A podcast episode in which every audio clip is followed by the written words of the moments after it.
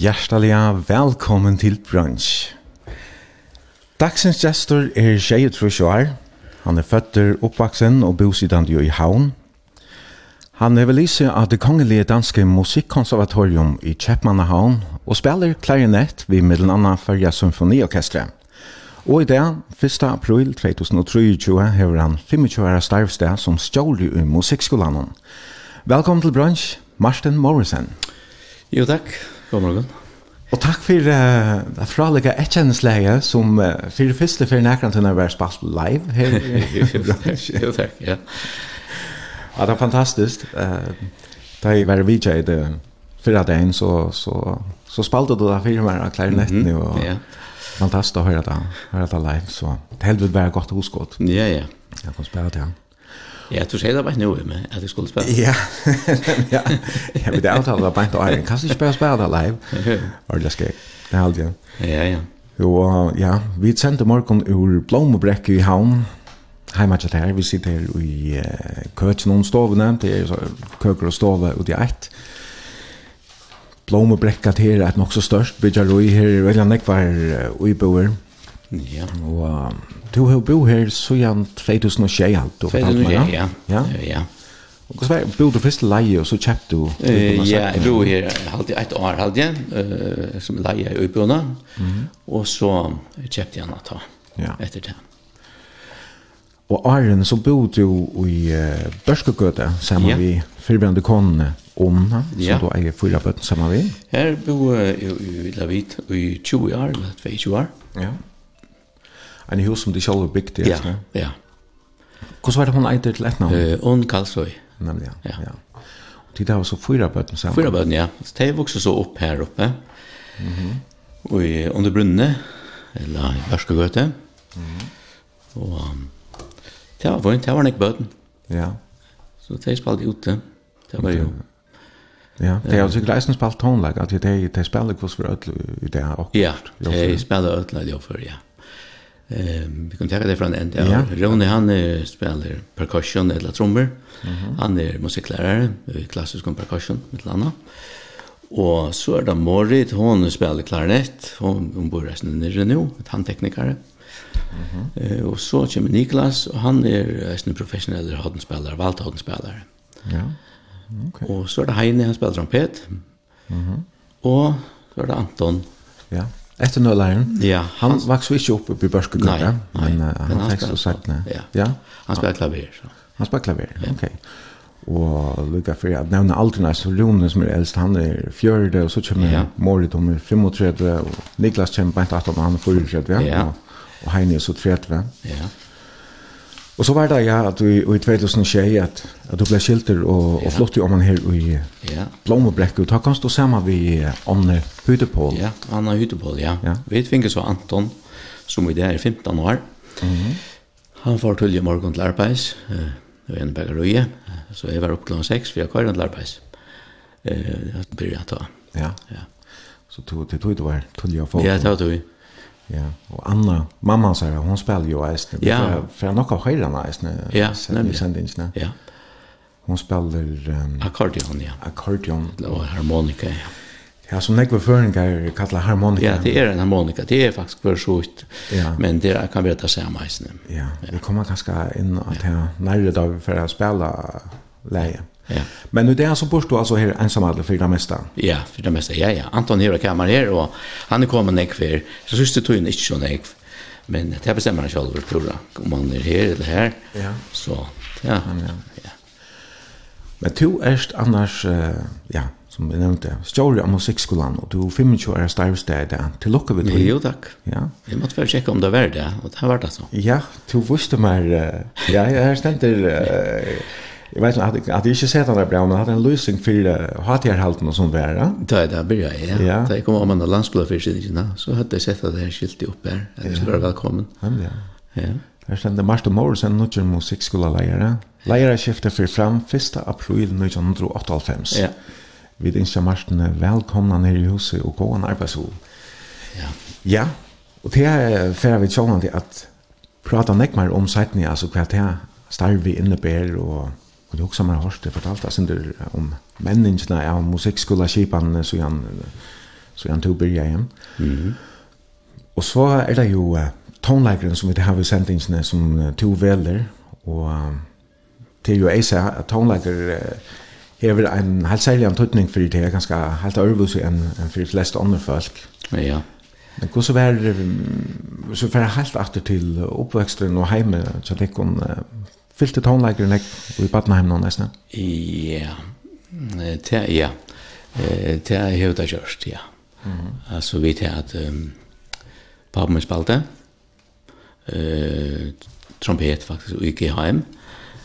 Men, um, og så spalte jeg nesten banjo, og det er de som spiller akkurat, de er siste om året som spiller noe inn, just det var bøten. Men han spalte banjo, og han spalte harmonika, og han spalte trompet. Ok, ja vi kommer att ta oss mer om familjerna och ja. man har. Men han är ett uh, Gunleiber Morrison. Ja. Och, och ja, vi kommer som sagt att ta oss ja. mer om Eisen. Jag känner han garanterat som bäkare med landa. Ja. Jag känner en bäkare i så Gunleiber. Men uh, han spelade banjo, han spelade banjo av en rättliga känd om Jola Sanchez som yeah, spelade flera för yeah. i december månad först år. Det är Jola aftan och det är ju eisen familjen så här. Elin yeah, och Kari Det är det i sisten, ja. Det var syskjen til Pavel. Ja, ja, ja. ja. ja. Og det var en, en stor familie. Det var en stor familie, ja, ja, det var det. Men annars så, ja, ja, altså, tja, tja, hinner om og det stora klaver i stovene i Tunga Gøte. Og det har vi så klimpro på som helt løy til, altså, jeg minns bare at jeg har vært fascinerad av ljøven. Ja. Ikke spalt nekker med i eller så. Men, bara det att sitta og trusta og lust et ljud. Ja. Det er det å fascinerande då. Ja. Det blir helt lilla. Ja, men ja. ja.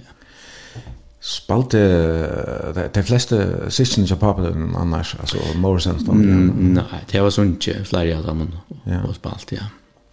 Ja, Ok. Du började spela långt som barn. Du fortalte mig att, at du fikk en tromme ved en sån bekkere, Ja. Och att du var 20 år gammel, da? Eh? Ja, altså, Um, det er, er fatter i, i Tungegøte. Ja. Uh, her som mamma min boe. Mm -hmm. Altså begge foreldrene er ur havn. Ja. Og, og mamma min var så ur Tungegøte. Og her var jeg boe så til, fra jeg var 0 til 3 år. Ja. Og så flyttet jeg i hus, foreldrene kommer, i, i Vatlaratone, på mm -hmm. da jeg var 3 år. Da var det i rettjusene, rehusene er iver pura nudj. Og her var øya jeg bøt nesten jeg spiller vidt ha. Ja. ja. Her bor vi så uh, til jeg var tudj år. Ja. Ok.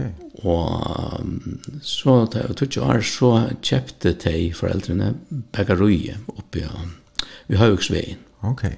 Det var 35. Ja. Vi kommer ta oss ja. mer om det att han första lägen men var det att du fikk det i här trummorna så att det hade flott. Ja, det var akkurat det är akkurat flott ner her, och jag minns det jeg føringer det och vaknade jeg, så stod en ja en påse og diver var ett annat her bänt och det var en trumma och ett bekken. Ja. Och det tromma är ju på helt öliga landet till allt som är 80 och husen av platen. Mm. Ja, okej, så glad var du då. Ja, ja, ja. Og, og så tittar jeg tog år og så tar jeg over 12 år så kom eh, på min hemvän fyra oktav orkle fra Marstein og som jeg kjøpte ta. Ja, og jeg sa det elektronisk. Ja, ja. Og jeg minnes vel, han sier vi arbetsmännen som stöpte utanför at ja, men så har jeg möjligheten muligheten å lære seg. Ja, det ja. Og Arne visste jeg har meldat mig til orkelspel till Mie Vågstein. Mm Okej. Okay. Nere i Kragabräcken i Lahagsvän och ner. Mm. Här gick jag så i två år till Orkel. Ja. ja. Och och det här var en i Nej, ja, som hon heje. Okej. Okay. Hon heje ett två manual pump. Ja, och då skulle skulle så färd till undervisning till henne ja. så så var det pump. Ja, ja, ja. Var det hon som satte pumpa eller tog? Nej, nej, det gjorde man själv. Ja. Ja. ja. Och det här var Island tekniker man ja, skulle ja. lära. Ja, ja, det är harmonium. Ja. Nämligen. Ja, ja, så Ta her her kommer Ahun för Auckland och och ja, för musik. Ja, ja. Ja. Vill man upp det här att man kan spela åt den Man hörde det som var kvar om någon och så fann man det också Meldino var ja. Mhm. Mm och klaviaturen. Ja. ja. Nu är det så klarinetten som ja. är høves jag för chat her och vi hørte det ju spela introina ja. brunch. Ja. I morgon. Och um, Det var kanskje sinte til vildarligt at at at det blev akkurat klart nettet. Ja, ja. Altså eh, som sagt så spalte pappa min i hjem. Og så akvalt det sett hjemme og spalte orkel i stoven her. Mm. Eh så kommer han vid en liten kassa och säger det att eh här spelar om till det var bara men om du ska lära dig det är visst det ska konsert om två månader. Ja. Det är möjligt jag kan få ny på sagt bara. Ja. Jag vet inte, jag vet inte. Ja. Det har varit så jag klarnetter. Ja. Tror jag stämmer faktiskt. Okej. Men samma ger så är runt så och fick jag och det är allt. Mhm. Eh och fick jag synda undervisning guys, ne? Eh men det få affär. Men så bad de komma och orkester bara ve och så till värme och se lära ta ut över välja orkesterlövnen. Ja. Det var inte inte någon skolning som så. Man behöver sätta det i mitten där och så fann man det och när man skulle spela. Ja, okej. Okay. Så så du vant nekvär och du har alltid fortalt mig att det var Samuel Andreas Weie som ledde det. Ja, va? nämligen. Så och, ja. och du lärde kött. Eh ja. Det måste ha gjort konsert två månader sedan. Ja, men nu var jag jag vet inte vad det har spalt det att som som står där det men jag har sig spalt det. Cirka det som står. Ja. Eh du fortalt mig sen där pappa kom hem i Orklund och där. Ja. Långa dagen efter så så spaltade du flera melodier, Ja. melodistämmer. Ja. Ja. Så jag minns det. Ja. Så du har gott gehör. Mm, ja, det är det. Ja, du spelar ju bägge där efter gehör och så. Ja, ja, ja, ja, ja. Och där du spelade i morgon, ett känsläge, det var så utan noter. Ja, ja, ja, det var något till. ja, ja, men uh, klarinetten, Ja. Og vi tar ikke bare ene her, men her er... Uh, det er rikva. Fem er bant her. Uh, ja, ja, her. Som er mer her. ja. En, en ja. stor, flott bassklarinett ja. som är kanske ett han tog to uh, hugga vi nu har gjort det senaste åren. Ja, ja, alltså det är nu är det färdigt att vänja vilket har en matter som ett vänja manna kväll. Mm -hmm. Så här blir det ett halter som man säger. eh sitter så här spelar bassklarinett, ja. Ja.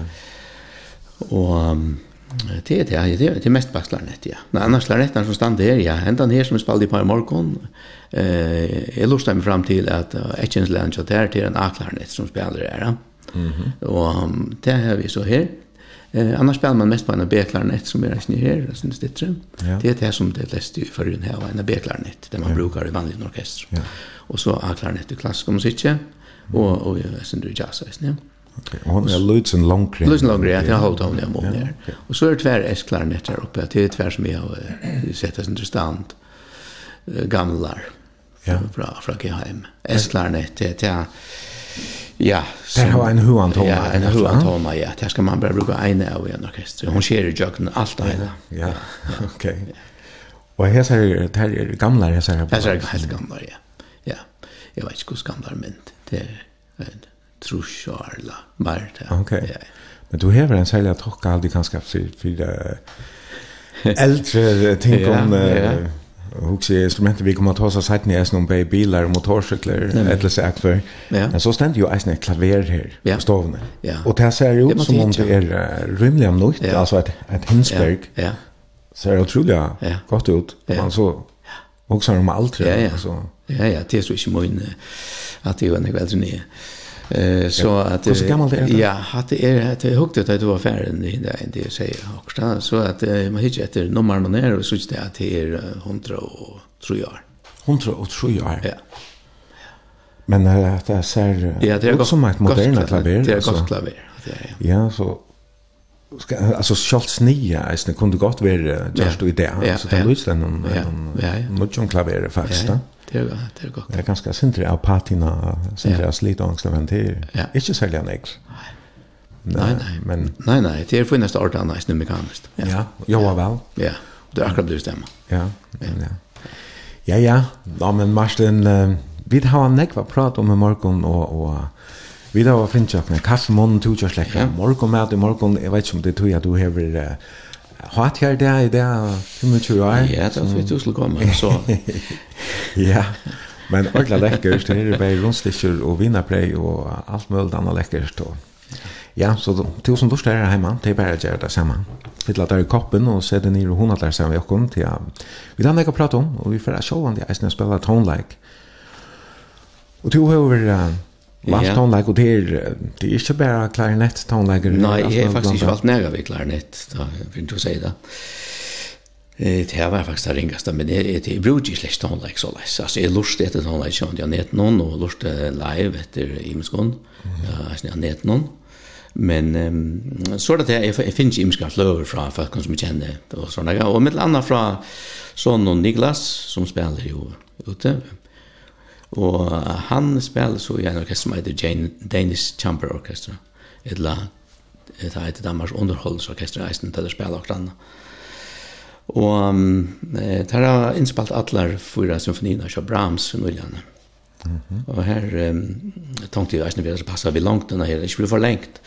Så jeg velger tre sats ur Brahms, er symfoni i det ord, Og den satsen som vi skulle høre, han heter um, Allegretto Grazioso, quasi andantino. Ok.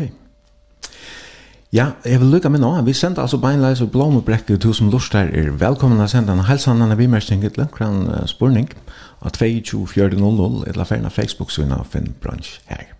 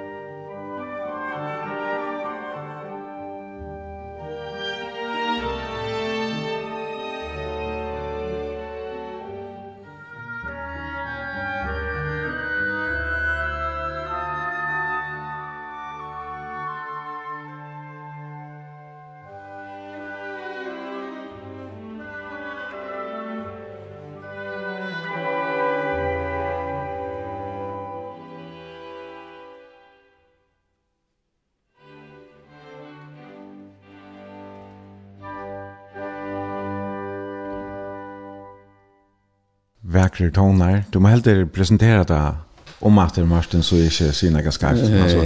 Ja. Men alltså symfoni nummer 2 i D-dur. Ja. Opus 3 Ja. Och det är um, Sondun. Ja, Niklas. Niklas som spelar vi. Ja, Niklas Waldhorn. Ja. ja. Han spelar Waldhorn i Esne här Det ser man att han har valt det här. Snackt oss i Venjar. Är det två år nu, ja. Ja. Just nu. Ja, jag är fantastiskt gott. Ja, valt att vi har passligt stort. Så, mm. ja. Ja, og det er altså Martin Morrison som er gestor i bransje morgen og vi sender beinleis ur Blomobrekke i Havn. Og til som lortar er velkommen at senda en halsan, en vimersing, et la omkransborning av 2400, til affæren ferna Facebook-syna tja Brunch og skriva lokken her. Det kan jo være at det kommer nekker Halsan er i samband med at du altså har 25 år starvst der ute, og det er ikke en april, så kan du ikke april, nei. Det er altså veldig nok. 25 år. Ja, ja det är det. Men som du uh, greit jeg sinte fra Janne så uh, så er du uh, havna med over. Ja. Alla min jag du føtter heima tja omdun og, og abadun. Ja. Ja. Ja, jag vet ikke om du kan börja vi fortälla kanske om om det var Ja. Alltså om man kom ur Kvalpa så så var det som helt ung. Ehm um, ur Nesi Kvalpa, hon är Nes, där två bor Ah, ja. Um, og um, Abba min var det, han som jeg eide etter, jeg eide etter honom, Marsten Mortensen og Arjun, og det vanlige kallet var Gass Marsten, mm -hmm. tog han selv til Kosan Gass. Han var annars rør og blikksmyr, han var vaktmeister i havn, et tog jeg og så var han brandmøver. Okay. Um, det var det. Vi tog ut det. Her var så, altså, det, det var så fyra syskjen, altså mamma min og, og tre andre syskjen, Dan og Edith og Finn. Så her, som sagt, her bor vi bare til hva tror jag. Ja. ja. Og så, så flottet dit, altså, i, i, i uh, ja, var det Bogmennagud, ja? Bogmennagud, ja. Ja, nemlig. Ja. Men hadde også familien til ja. mamma dine, ja. Uh, som... Uh, Ja, hon hon lever än. Ja. Ja. Ja, ja, pappa min då är i 13. Første, første 13 då han. Ja. Ja. Kvar alltså målet mamma din, hver bor hon så. Ja, hon bor i Havn, hon bor nere Lårve. Okej. Ok, Ja. Ja. Och tid var um, tvær batchar. Tvær batchar, ja. Mm. Och hin batchen Karl. Ja. Han heter efter hinnan appanen som är Karl Morsen. Karl Karbeck Morsen är att appen min. Mm. Ja, han er eisen reknaren, ja? Ja, Kaffe Karl. Ja. Då han er kaffevogn, la tei høyde kaffevogn av kajene. Ja. Er som la menn med anna, kjepsra kaffe og brei. Ja. Um, ja, altså amma mun vi tega henne ganska fest, hon er, er kallet Gikka. Hon kommer sjørvei. Hon er til Signilde Margreta. Og tei åtte tølvbøten, er som papen min var eldst. Og så er det Etna, Paula, Arntis, Karen, Elen, og drangene, det var Gunnlaug Vær, den eldste som sagt, Akko, Rekve, Kare, mm -hmm. og så var Boje som døye som 13 år gammal, og så var det Tvøyborer som døye, da det var Helsmeier. Ok, ok. Men her, um, her er flere navn som man kjenner etter ur Tonlagaheimen yeah. og Følka, Akko med den andre, ja. ja.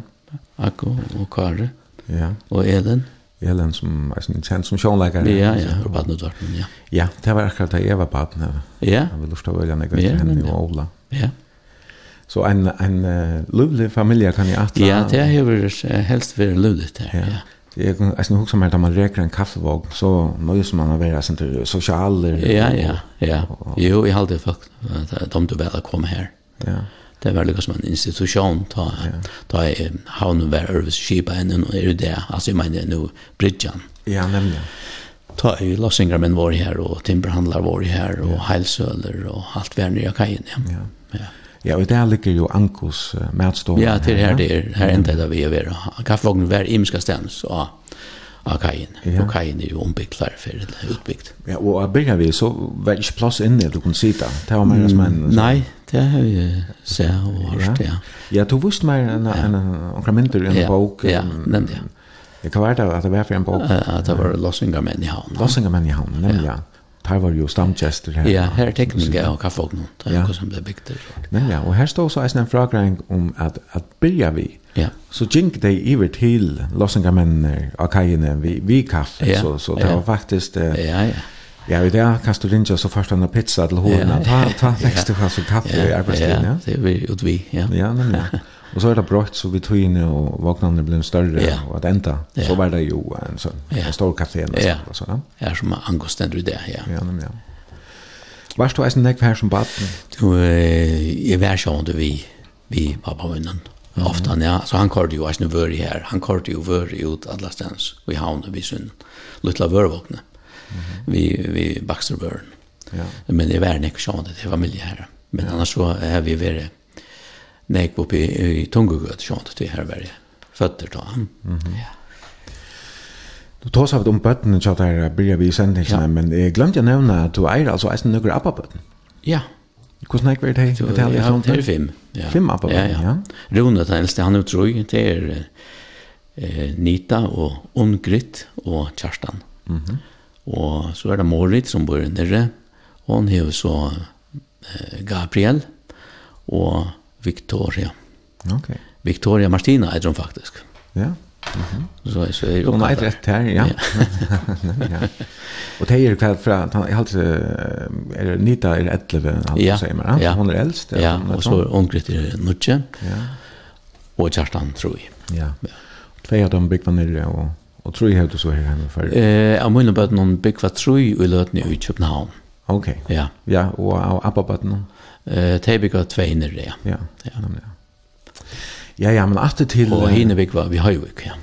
Ja, ok. Det er jo Rune på Høyvik, ja. Du bor nesten i Høyvøk. Ja, ja nesten.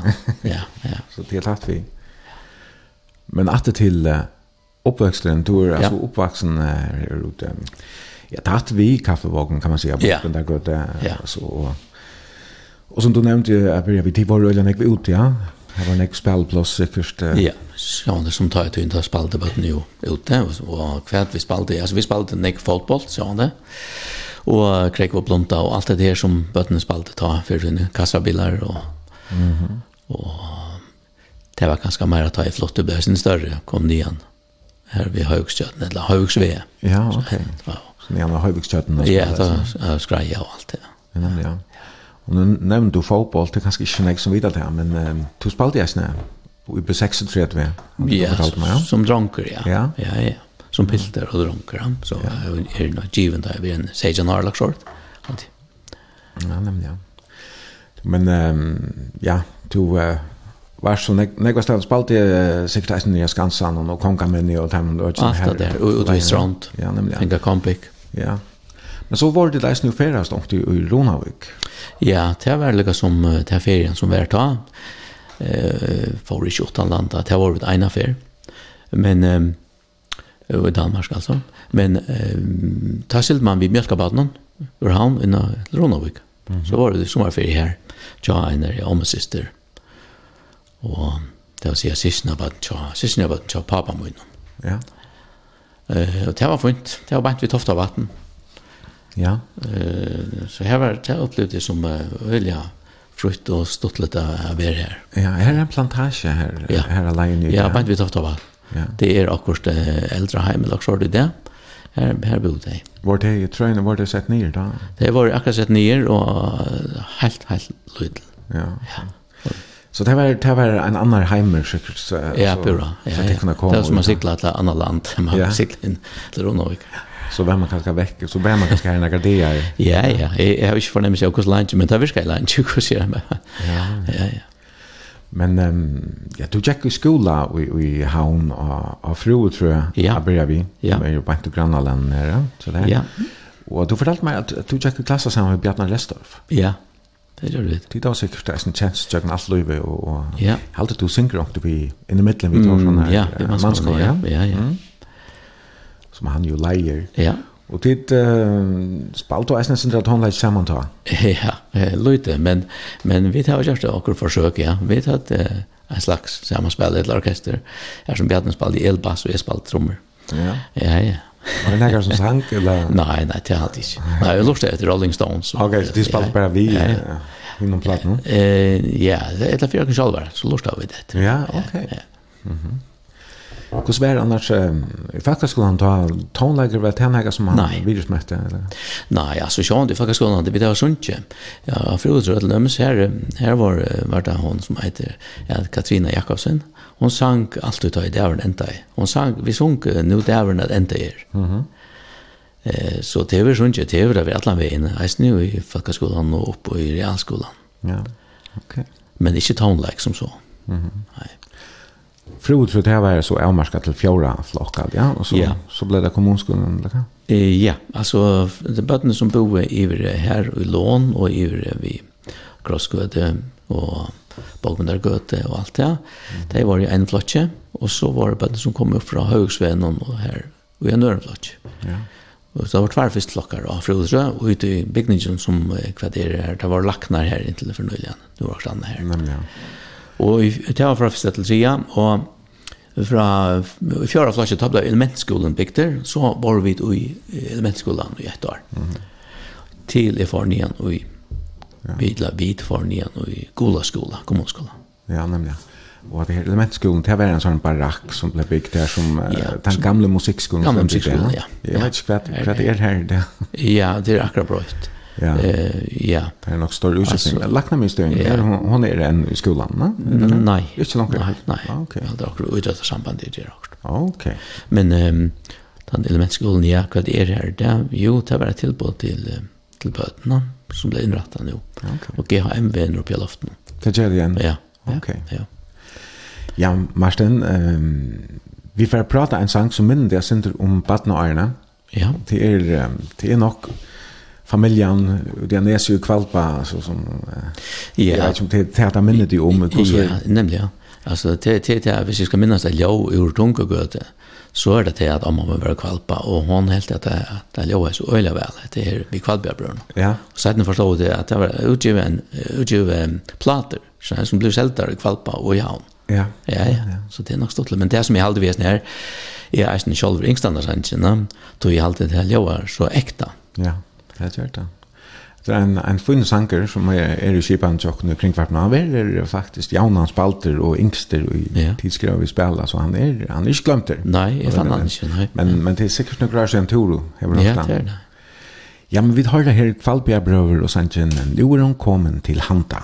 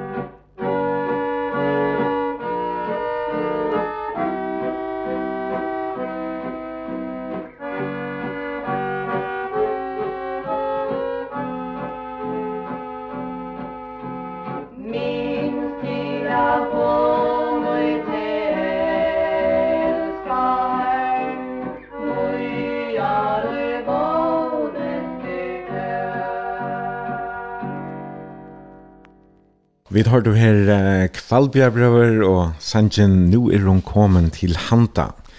Og det er Martin Morrison, som er gestor i bransjemorgon, og vi sender beinleis av Blomebrekke. Og tusen lort er velkommen at um, sende okkon en helsan, en spurning, et omkring vi merskjeng, at 2400. Eller ferne Facebook, så er det bransj, og finn okkon her, bransj, det er B-R-O-N-S-J.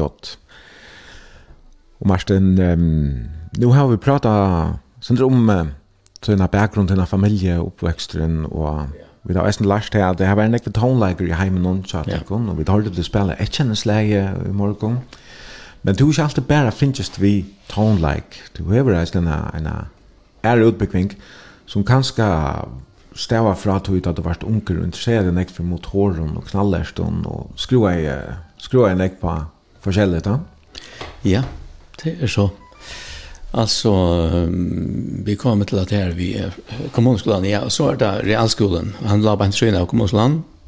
Ja. Och det är han en husläggare här ända. Mhm. Och här checkar så i första ören till real. Och efter det att vi så suttit det att jag har varit ganska två månader i Bergaröjnon. Ja. Och annars vart det henne som uh, pappi och rödde jag kom från. Mm. Men ja. her er så vær. Og han er så ikke la mest til at vi skruer alltid på akkurat, og vi knaller stund og såret. Ja. Og så en dag så kommer han og sier til, jeg, jeg har skaffet deg læreplass. Mm -hmm. Ja. Tja Willem Nilsen. Mm -hmm. Jeg vet, så får jeg her om han har munnert knallert, og Sven Nilsen tog mot meg her nere. Ja. Um, ja, det har jeg. Uh, det er også man ikke jeg mer om. Nei, det er dumt å velge skrua Ja. Og ja, du fortalte meg, du har en tempolet. Ja. Knallers en ja. DBS. Ja. Hei hun, hei hun så superpedaler. Nei, det er är ikke lika. Nei, ok. Nei, det var inte så kul att det här Nei, det var Nej, jag vet de som hade det. Ja, nei, nei, jeg heldig ikke jeg har en tempolett, men det er är ju. Jag köpte den brukta og det var fint. Ja, och kanskje synte det en en en appaknall. Ja ja, det var sånn som en brukte jag köra til arbeidsvis. Ja, så, så att ja, men jag vet inte det känner jeg ikke med. Det har vunnit. Men du fick han köra sen shot här en eh vanligt. Ja ja, alltså det var ju det som är alltså att han tog ju nära att där skulle vita man skulle pröva förskälligt hur man kunde få en köra bättre. Ja. Var chock för att du fann en en liten motorcykelmotor. Du det är lätt skulle komma fram. Nå, okej. Nej, nej. Jo, jo, det var det var så det att det var det sen det sen range gjorde då. Det var bara ut och skifta cylindrar och allt möjligt sånt. Ja. Ja. Så du skiftar på alla motorer nu. Ja, det var lätt där, ja. Så jag kan alla ha fortsätta där. Ja, det är det. Ja. Men ehm familjen chatta här alltså som som du nämnt några affärer så så flottet dit nian uh, Ja, det er flott med en gripsveien. Ja, Høyviksvever, eller... Høyviksveien, ja. Tre er ved gripsveien, du skifter adressen her før. Ja, her som Bakarui, til Ja, det. her ble Bakarui. Vi finner trus, kjøpte til, til Lutla Bakarui, som er et heima Bakarui Dore.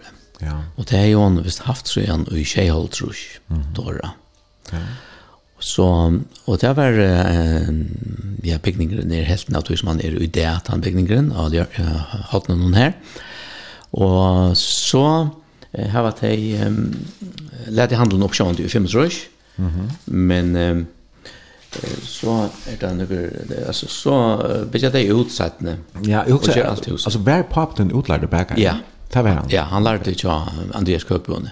Han, får, han var bare dronker da han får arbeide til Andreas Køkbunde. Ok. Ja.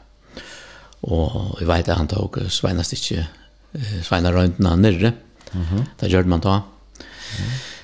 Men eh, alltså vi flyttade här igen eh, handelen lät upp i 25. september mm -hmm. och um, flyttade ner när byggvär december 25. tror Ja. Och så ble det byggt om och tannoch handelen var lät upp i 3,5 halv fjärs.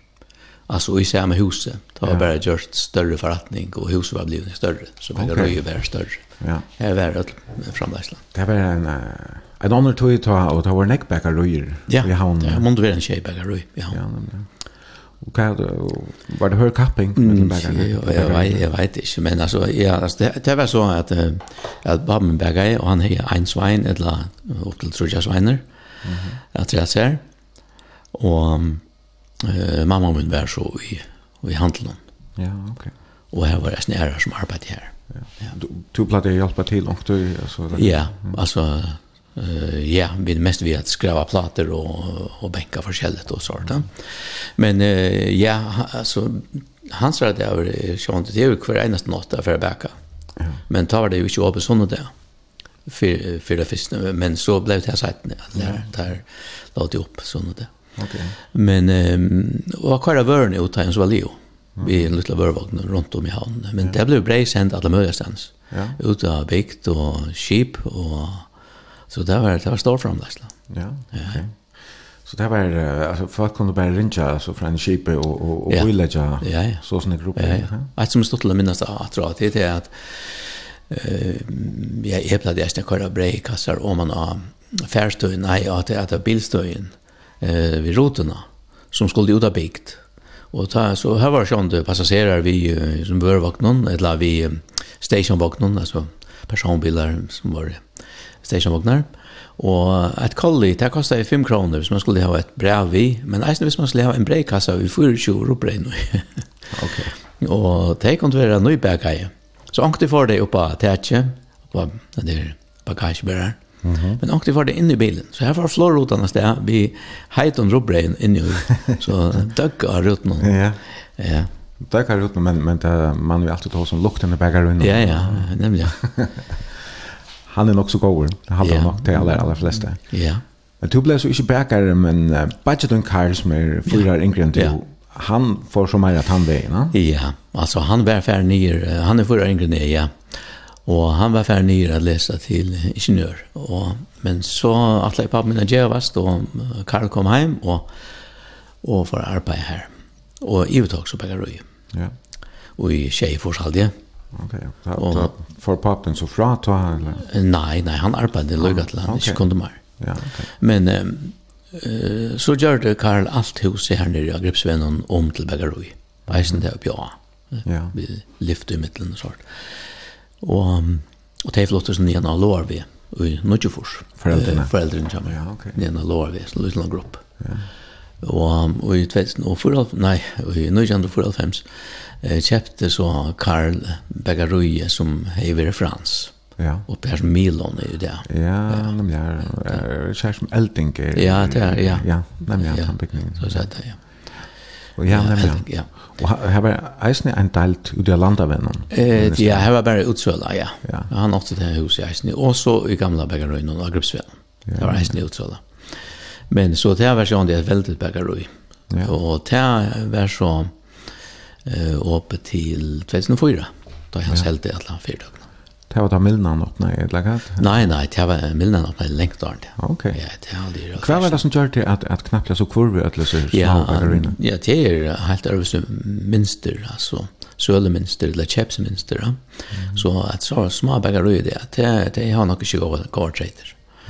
Eh till produktion och influensera och att mamma har fabrik. Men så är det också som röner att göra det. Så som det var för. Breivest, ja. Ja. Ja. Här är nästan så. Ja. Ja, ja. Så det det blir till, ja. Ja, ja. Ja, ja, men två för så som du säger mekaniker av vägen. Ja. Du får lärare som som bilmekaniker så Willem Nilsen. Ja. Och de det väl? Ja. Ja, det är ikke noe som du, du är har lukket ikke Jo, altså da jeg var två år, så tenkte jeg det med å finne bak stranden. Ja? Ja. Du har helt ut av, så stod, var det för lite fremtid i det, för två tvik om man det. kan? Det var ikke akkurat jo. Det skal hende også stranden alltid, ja. Det har man vært til. Hvordan vi alltså tonelags nå er du så, først og så satt jeg leser tonelag, og starvast ved tonelag, lukket så igen. Men var det näka som man kunde fortälja i øren til, man att läsa er livet av tonelag? Ja. Eh, ja, det det kunde man, men det här Eh nej, det är jag har det inte positivt ont alltså. Jag har det det var små möjligheter för att det skulle ätnas. Mm. Att det är som en sport, ja. Att det det vill du vara för tar att komma in i konservatoriet. Alltså det som man tar eh som man heter i hoa är att det är en det var den allra helst bara två som att vara konservatoriet har en har en erfar. Mhm. Men att han nå kom flyer. Ja og nu er det helt nek. Og det er bare som... Nå er det selv. Ja, det var, det var Stig Heinesen som spalte klarnett, eisen av konservatoren og i Kongelige Kapellen, bare William Heinesen. Mm -hmm. Og så hei Atne Hansen eisen. Han ja. kom heim til å være lærer i lærerskolen. Ja. Klaver. Ja, jeg fikk timer fra noen dag. Jeg var ja. et eller tolv år. Ja, og vi spalte nøyligen sammen etter. Mm -hmm. Ja, men um, to... Uh, Rågast vi motorer och ja. fra tempolettene, så først vi är till motorsykler. Ja. Och tog eierne en de första motorsyklene som, ja. som du kjøpte då. Ja. Det är alltid helt fantastiskt. Så hon, nå er jag bara sett mindre av. Ja. Mm. Men hon ser ut som om hon spilte något. Ja. Och hur kom det då? Hon må vara en holdtrus. En hålltrush, ja. Ja. Ja. Uh, ja, från tempoletten, ja. Alltså, jag fick körkort samma det som jag fyllte. Alltså, til, till bilen. Ja. Och jag åt en gamlan... Um, Jeg kjøpte en 14 år gamlan Opel Kadett Rally, mm -hmm. og svarter, vi alt var store motorer. Ja.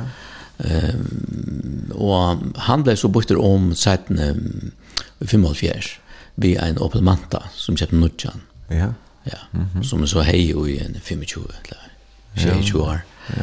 Men du så motorcyklan hon hon kom så arg efter att du var kan nu inte när eller. Nej nej, hon var jag var agent. Var så agent. Ja. Fick man bara motorcykel körkort det visst man. Och man är i hus och Ja, nej så så skulle man för att ta det. Man skulle upplära runt. Ja, så kort man och stämma och så väl man då det gör. Ja, okej. Men teorin var hon den samma som vi Till bil eller? Ja, jag minns inte om vi tog ner till Ria Träat. Det jag minns inte. Nej. Nej. Att det jag köpa motorcykel vet han här som du har drömt om som då smartronker eller? Ja, nej faktiskt var det handa motorcykeln. Akkurat handa? Ja. Eh som i minnes då jag stod i packade hos någon. Det var två är som köpte en alla förra och i 2,5 Mhm. Och så köpte jag en halvt annars här nere.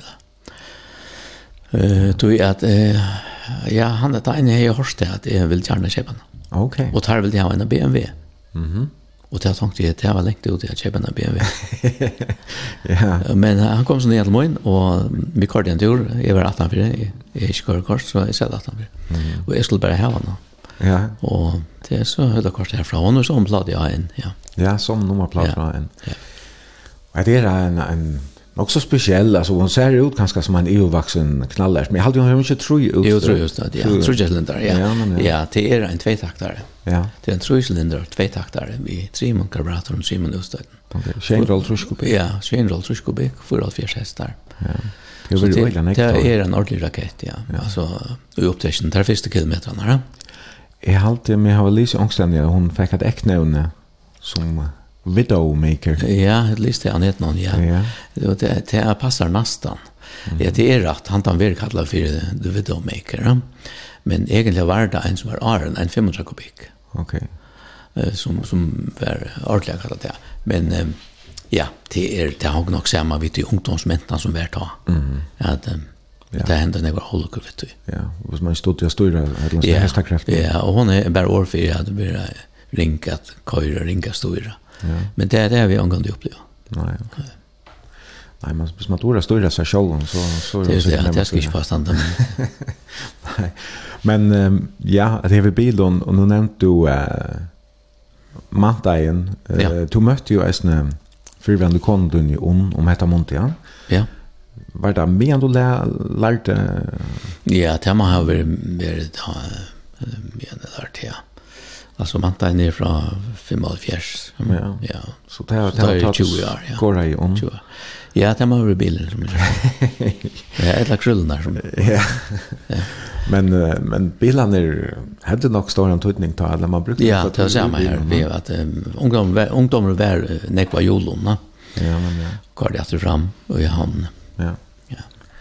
Men då är som att hon och blev lever som bilmekanikere og eisen i holdt annet år, at han var av lakren og halvt, ja, eller ja. ikke så lukkomstene, Eikasølekomselen. Eikasølekomselen, ja, Wilhelm Nilsen, ja. ja. Jeg hørte det greia fra en innslag, innslagene, for det her. du tog seg ved Kara Solstein og i noen halvt, det var om at her har en håndverskere utbyggning eisen, og så skifta ja. ikke slag. At du langt ta og hoksa om at verja fingrene til der. Ja, Alltså det var tog i för en komsla. Ja. ja. Och så arbetade jag ganska till klockan 3 4 för hemma vänja. Ja. Då jag sett mig efter 4 det skulle in i konservatoriet. Så det gjorde jag. Ja. Och klarinetten alltså tog tog tog fall på pladask för henne att du blir började spela. Ja, ja, jag vet inte om ja ja alltså det det är vilt um, alltså jag har en allra helst en atlan om att uh, komma åter och undervisa. Ja. Eh tui at jeg glemmer angang til at de blå musikere så borser jeg og en ærestens. Nei. Det er ikke. Men det var tui det var mulig ikke. Så åpenbart har vi vurderet til at at muligheten var her å få en utbygging innen tonleik. Og det er så at man hever et høveslig offer, og det var så ikke mer klarnetten. Ja. I US tar man skulle velge klarnett eller saxofon. Ja, ja. ja. Så... Okay. Og nå vi tar oss om klarinettene, hva er det som er så særlig vi vi henne om til planer blåser i offer. Mm, ja. Ja, alltså som man tänker, ja, hon løser jo en saxofon. Vet ja. Men Hon är ju äldre enn saxofon. Saxofonen är ju gjord, det var Adolf Sax som uppfann saxofonerna. Och här har man kombinerat en klarinett och en flöjt. Mm -hmm. Så en saxofon har faktisk flöjtegrep och är uppbyggt i oktaven. Det vil si at man trycker en registerklapp så skiftar man en oktav upp. En klarinett er øvelse bygd. Hun er bygd i, i en oktav pluss en kvint. Det er en dodesim. Og så hun har en helt annan klang. Ja. Og henne brukar man så eisen til klassisk musikk, Målsagt saxofon. I det brukar man eisen klassisk saxofon. Ja. Du kan faktisk få utbygging i klassisk saxofon i det. Ja, Men oppronen er jo veri til jazzen. Ja. Ja. Hon blev øyla nek brukt. Ja. Saxofon blev nek brukt i poptonleit, jeg eisen i, i, i Ja, ja kanskje i ivermat, jeg halte man trøttest, jeg synes det er. Ja, ja. Og så var de veldig, veldig borster ur poptonleggen jeg var, men jeg har lagt mest til at nå, det seneste året jeg la beit fei, altså, vi er, vi er kommet frem etter, altså, mer og mer. Ja, ja. Hun er jo, hun hever så, ja. her er sånn, passion i saxofonen vis vis snack solo utan man spel spelar spelar ja. ja. Men uh, med en klarinetten halt är ganska man, hon känns det inte mer melankolsk uh, kan hon göra så tonen ofta ja det kan hon göra men hon kan nästan vara nu här standard två s klarinetter uppe ja och ja. det är sannolikt inte det är som en skärbrännare ja. Där kommer det stärska ja ja och det här var Nico komponister skriva Stravinsky och förskiljer till så jag säger den i över allt annat ja nämligen om att det till uh, musikkonservatoriet. Ja. För var det som gjorde det att at uh, du tog til avgjørende att för att läsa musikkonservatoriet. Var det, var det några andra som har gjort det året som gav det utblåster? Eller? Ja, nei, jeg hadde ikke. Jeg hadde, ikke, jeg hadde bare til at jeg fornemmer meg til at, um, at jeg var ganske nære som jeg kom til. Ja. Mm -hmm. og, og så slapp jeg ganske fra som bilen. Ja. Og um, nei, det er så at er så given her i juli i um, 84, og i tja Willem Nielsen, mm. og fer nyer i september 84, og gikk så til undervisning og for til opptøk rundt grønt, så i februar mars, nå tja fjers. Men ta eh, bare andre musikkskole i fergen Nei. Og et eller annet nok undervisning. Eh, men så søkte jeg inn av forskolen, Og det sværer i det, det som vi i det til åkken her, som heter musikkskola min om, mm -hmm. er man så tvei år, tjekker tvei år av forskolan. Så søker man inn av høveskolan, som er tre år, og etter det en av lærerutbygging på tvei år. Okay. Så flott i heim, fikk starv, full starv her, mm -hmm. og men så et år siden for nye tog en diplomeksamen. Ja, okay. Og innenfor det samme. Men eh, tar har bättre fått alltså här och alla sig Arne med studera i undervisning samstundes ute i Gladsax. Ja, och en musikskola. Det är det är att den frivilliga musikundervisning. Det hörde instrumental undervisning. Ja. Så här är det klarnettlärare. Okej. Och vad vad bor du med ja. Det är flott nyer. Flott nyer alltså man det nyer och Holmbergs kollega ute i Bispebjerg. Ja. Og så tar jeg omkom nyer, så er vi flott inn av Egmont kollegiet. Det her var et hus som heter Musika. Musikkstuderende er her. Her bor vi så, jeg vet ikke hvordan landet, men... Det er stedet man kan velge, det er musika? Ja, ja, ja. det er kollegiet Egmont og Østerbro. Mm -hmm, ja. Og så kjøpte vi denne Uibo av Fredriksberg til vi flott i heim. Eller til å si, ja, uh, hon og Rune flott igen. Rune er føtter av Fredriksberg. Ja. Så han var tro jeg har flott igen. Han han är så född i Trojefors. Ja. Och till blev han... gift stort efter han var ja. född. Ja, det er, ja, det må har varit et år at nå. Ja. Själv. Ja. Du minns datoren? 1 august, det är det som minns, ja. Men uh, ja, som du säger så, så flottade du alltså till förra i 1906 och först. Och det jag vi hukte det ser vem och där så då jag så jag hämta ölen jag tänk. Då du kommer att till förra ja. under den sex för. Därför jag vill prata mer om om man har låt men jag hade visst för spela ett lära chat. Och du varst att vi skulle höra banjo and fiddle av um, Nutje utgavene tja Omno, ja. Høytepål, ja. som, som um, du er Anton sammen vi, mm -hmm. og Angelika, der bor uh, gåa en en fløv ut i fjør som heter Accordion and Violin. Ja. Og den her utgaven, hon var tilnevnt Orsens, eller hon vann heiren, Orsens utgave av FMA, Fairways Music Awards, Awards som var ja. helt til fyrr, og i, ja, nu er det sista mannen, altså, helt til fyrr. Ja. Så, nu til da mars. En uh, egentlig spennende utgave. Ja, jeg valgte dette her stykket som heter um, Banjo and Fiddle. Uh, det her har jeg selv arrangeret her. Og her er flere løs som er genga uh, spekliga, men det her er uh, distinkt, og man hører akkordeon. Mm -hmm. og, og violin er nesten sånn det. Altså måneder er en akkordeon, og violin skal jeg si en det er ganske. Um, det er imens fra land til land, hva det er en akkordeon, det kan være en harmonika. Men her i Skandinavien, her har man fyrir en hold trusjaren så igjen, eller trusjaren så igjen, definera hva det er akkordeon er, mm -hmm. for jeg gjør harmonen. Um, det er så leis at ta hever man enkelte toner av baven sugen av bjølkjennom baven sugen men en harmonika her hever du en, en hel akkord i egnom knøtte og ta, ta kan man spela sånn om på bass ja, nemlig ja. ja og, og disse dyre instrumentene kunne bare spela harmonika og akkordion til dem som heter akkordion som han gjør han kan skifte om det er en harmonika eller akkurat. Ja, nemlig. Og til å si, hun, eh, så hever akkordeon blandar seg på i den klassiska musikken. Mm -hmm. Og i fyrst nyhet av vi nyskriva av uh, tonlager, og nu er det blevet mer vanlige tonlager. Ja, nemlig. Ja. Så en akkordeon er ikke bare en knappharmonika. Ikke her ikke akkurat. Fyrst den for trusjaren så igjen, da er man, atler man har kallat det fire harmonika med melodibass. Ja, nemlig. så så tog man simpelt tog man spela flere, ja. första flere knappar. Man spelar som ett klaver, man spelar enkla toner vid alla fingrarna. Ja, nemlig, ja. nämligen. Men vi tar her uh, Onno og Angelico for alle kan lege Banjo and Fiddle.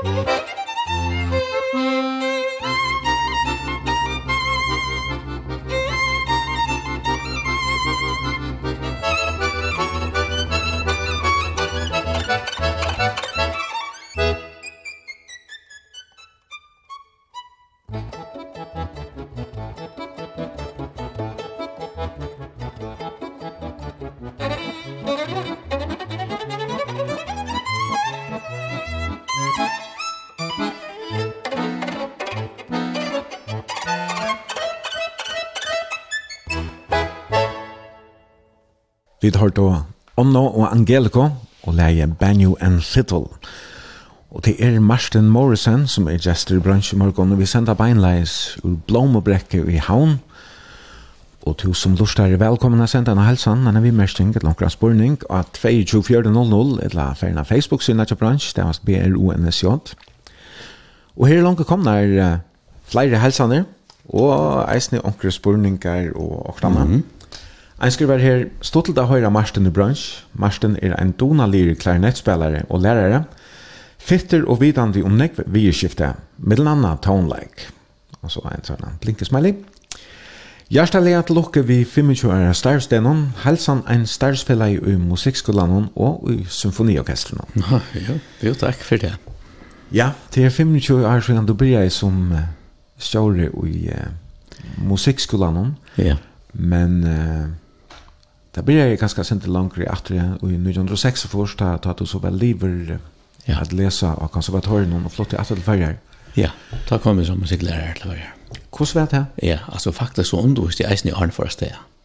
Altså jeg ble langt som 20 år gammel leier for GHM uh, dirigenter altså. Ja. Som jeg dirigerer ikke med en stå oppe, men jeg kjenner det. Ja. Mm -hmm. Inntil for sted som, det var jo 23 år da jeg for sted, det var så sløt det. Ja hvis jeg skulle bli til det. Okay. Um, men så kom jeg etter jeg i seks år. Ja, jeg fikk starv, så det var jeg veldig glad for at jeg fikk starv. Du kom eisen i aftel til GM, du nevnte det her. Ja, det passer her. Jeg har sett ångstene at du, du var leier for GM, eller ble leier. Ja, og fra seks år så en tog år fram. Mm -hmm. uh, Anten vant man tver fra vikene, og saman vi i Karabæk med landa, det var det. Og så saman vi flere i Jøgn Arne, tog og kvørs og kvöld kanskje. Ja. ja. Og ja, det var GHM, og så stod at han nå, så ja, jeg spalte en konsert vi i Symfoniorkestren, og uh, så jeg dirigerer jeg ta naste og 16 år fram. Ok, hver var dirigenter og Arne til? Altså? Eh, ja, altså, aller første dirigenter var Boy Lutzen, som det har vi akkurat hørt om det oppfyllte symfoniorkester 40 år. Um, og så var det Graham Rodd, en angesmær som var her. Ta. Uh, han dirigerer etter første konserten, ta middelen, jeg spalte vi, ja. ja. Og så hoppet jeg inn uh, av Ankara Jarsøk, ta i Kjeifors, og jeg minnes, uh, ja, ikke vi hva det spalt. Jeg halte det var neste konserten, da spalte vi til Grieg, klaverkonsert, vi i Nine Kaftaratse, okay. og Ankara Schubert uh, symfoni. Som du nevnte så varst du jo bare han tre förenkren som hei en konservatorisk yeah, utbyggning Ja, Yeah, yeah. Så du har väl uh, haft en, en, en, en väl hacklig utbyggning än uh, det flesta är Ja, men ja, I'm not sure det tar som har vært her, uh, ju utbygging til lærerne. Men uh, utlänningar men, altså. ja, ja. men ta Um, ja, ta har det så öjande utlänningar. Og vi har ganske vært helt fire förenkar. Alltså är det här vars har undervist. Mm Det kan være at det har haft noen greier utbyggving mm. ute i gamla musikkskolan. Ja. Og der kom jeg i hese kipan nesten. Ok. Ja. Så du ble dirigent, ble det heit av det om man tenker iver ta? Ja, jeg, jeg halte meg at det ble bare, bare elfond du ble valgt og sånn. Ok, så det er kanskje eisne? Elfond du var hver nare, så. Var det fulltid starv ta et eller annet som oh, nei, nei, nej nei, nei, nei, det var så få konserter ja. det er bare bara konserter häst konserter så også träd og så tiltøk og sånne. mm. och så kom det kommer konserten her, da. ja ja Jeg heter första touch några konserten her. Ok. okay. som er leier skrona til, da. mhm ehm hur så professionellt var orkestret tog mot til det Oh, nei, nei, Det det er, det er början. Att ta spelar man det jöknen och och folk är glada och allt sånt. Ja. Och och det är klipp och klistra och det är loafer som inte är det och man spelar på andra loafer och så så blir till. Så man vill lektions grundet då. Ja. Så det är helt övs. Men men det är mentes nog så nog så kött. Ja. Så ett la lojant man säger. Mhm. Och så var det ett annat orkester som heter Torsnar Kammerorkester. Det var faktiskt den gamla musikskolan, det som förr hade spalt og i i avlene og i kommunslandet. Uh, Her spalte vi datter i nøyre år, og vi vant i Ura Frod til Eisene. Så det var det orkester som, som du Eisene for å spille ja. i ta? Ja, det er som vi dirigerer, ja. Du dirigerer Eisene her? Ja, ok. Du var dirigenter i Førja Symfoniorkester i 16 år. Ja. Lykke til Benny, ja. ja. Bernard Wilkinson. Ja, altså i 98 da kom ju då blev ju uh, å ta musikkskolen leier for landet, ja. Mhm. Mm och så si at jeg var i seks år av baven. Ja. Så och det var för näck för det. Ja.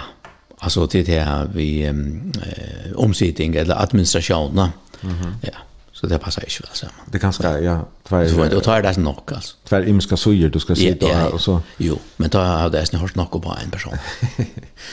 ja. Kvart kvart är du annars glädjast för att de Georgias ju är när du var där gett när jag nu några minne som sitter säljast där. Ja, alltså eh hållt det att visst det skulle bli folkslitt, at det ikke bare var for, akkurat som det i Norrland du skulle bygd, da man vente for at dette var ganske bare for en part av følelsen, hvis det var klassiske musikker.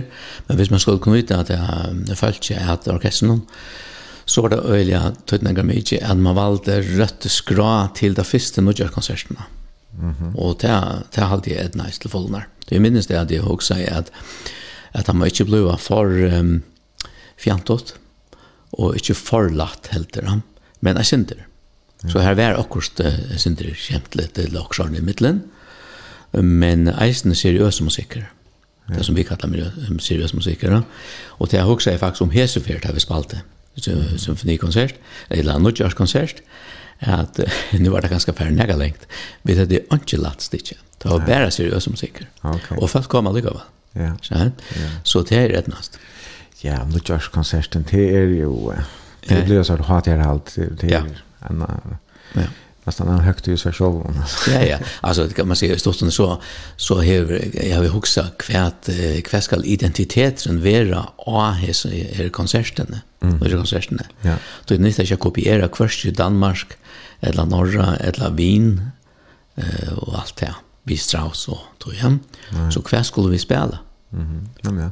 När var det den första Norrköpingkonserten? Jag vet inte. Men så. Jag vet inte. Men eh Men det var det var billigare än om det var mer än två. Ja, ja. ja, ja. Vi hörde faktiskt en av åren som inte blev sänd. En av äran och kyrkonsert. Åren, åren som var kom på, ja. Okej. Är det några Ja, jag minns det att ja, jag kan vurdera ett då, alltså, du att Rune fick det uppgavna, så jag måste ju någon vinn att kipa fyra ballonen. Mm och upp från tätchen och ni stod detta ner det hade till det sista stitch. Tar låg upp till hitan hon här onkel på brast i mitt konsert. Men och släppte konfetti in i. Ja. Så jag hade onkel just efter. Så det hoppades två upp. Ja. Det är så fan.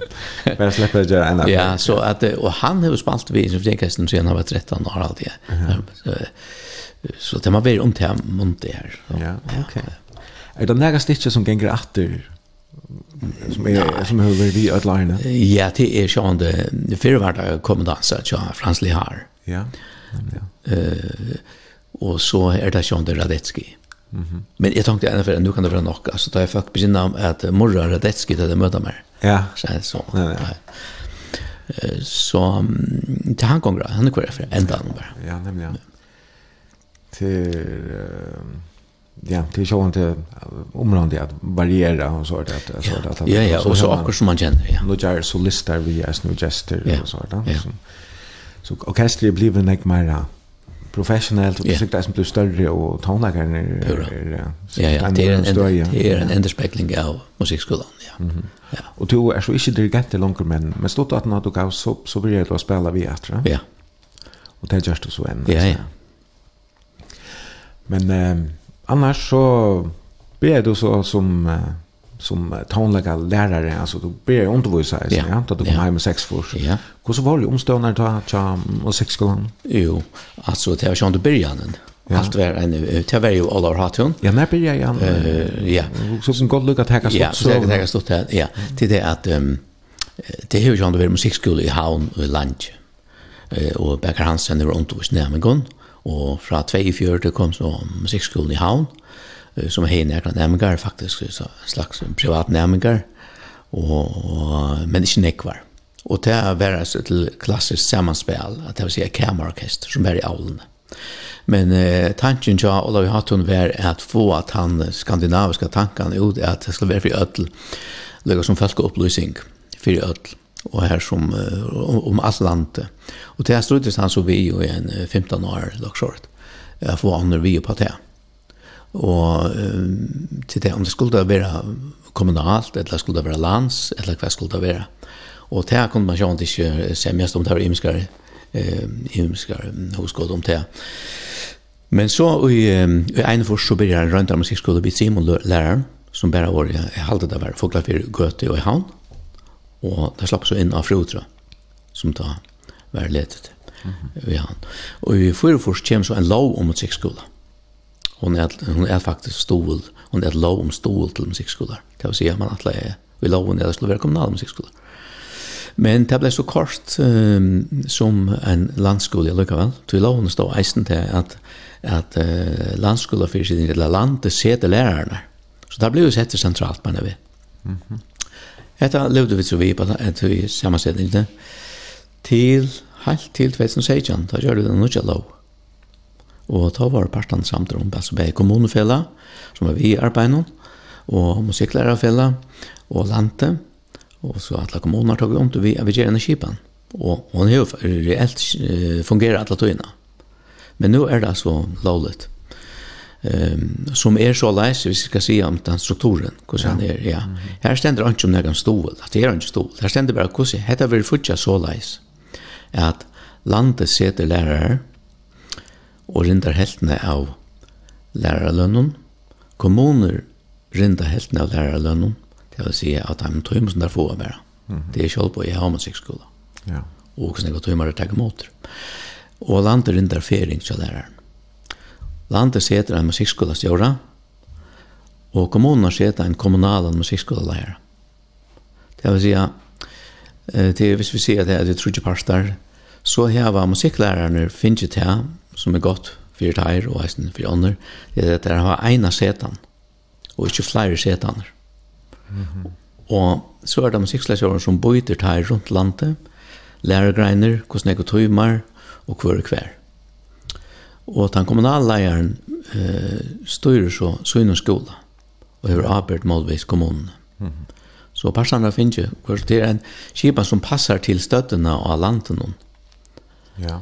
Og tror at det er omøyelt at det finnes lærere heim hvis det skulle ha fyra setaner ja. i imenskom bygden. Så att det så är så är musikskola skipa den vuxen och så där börjar jag. Ja.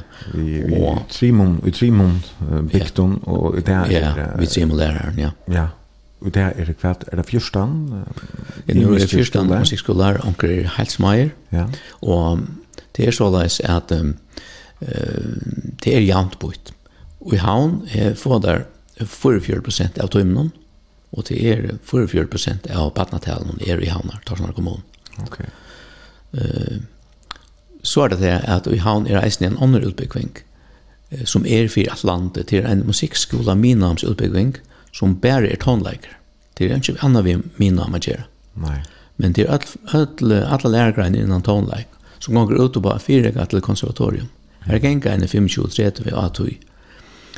Og Så er eisen en orgelleikare utbyggving. Det er i høysiden en kyrkjeorgel leikare utbyggving, som vi tar en preliminær organisteksamen i eitet da, erstens, mm. som eisen vil kjipa fyr. Det er uh, viktig at si at det, at det er fyr nemgar ur ötlen landen, ja. men det meste er undervisningen fyra gonger i havn. Ok. Og dette er, er, er så Lekker møllager som er kommet i seitene til Ja, jo, det er det må være, det er en 16 år siden. Minon? Ja, musikskolan Minon. Er det, det är bara blev formaliserat för nu 2016. Ja, nämligen ja. Det är det som svär till det som tog uh, själva läs. Ja, som vi får nye. Ja. Och förskola till konservatorium. Ja. Det är det som heter MGK där. Nej, ja, det er MGK i Danmark, ja. Musikalsk grundkursus. Ja, och musikskolan Minon. Nämligen. Ja. Och ja, jag hade också Hugsa eisen sjálv og så så er det samansett og er det fer man så eisen i er Nei, han fer ikke ære der. Nei, nemlig.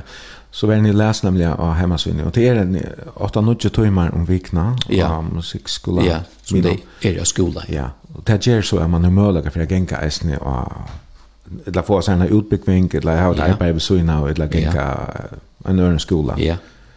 Så undervisningsmyr er ganske tidlig, altså til kvart nemmingen annars... Uh, hva det annars gjør, ja. Ja, ja. ja. ja. Og det er så tar man, men det, det meste av tar tøy fer jo til at vennja sjálv ja. og læra sjálv. Ja, det hadde bare man av skolan. Ja. Er ahoen med den ung växande? Stor, han er stor. Han er stor. Ja. Og, att Atlan är, man engineer att ta åtta in kvart år till tre år. Och det er upptiden som kunde medas att standa en rønd av konservatorien, upp till grønd av konservatorien, tre år sedan. Ja. det är ju inte bara en enda maler, enda maler er ikke få men för jag vet att det vi syns ner kanske jag till brött pura så på hamadan är att eh ta vi ja chefors eller annat här så har det varit eh amatörer eh större mån och näkra utlänningar som spalt.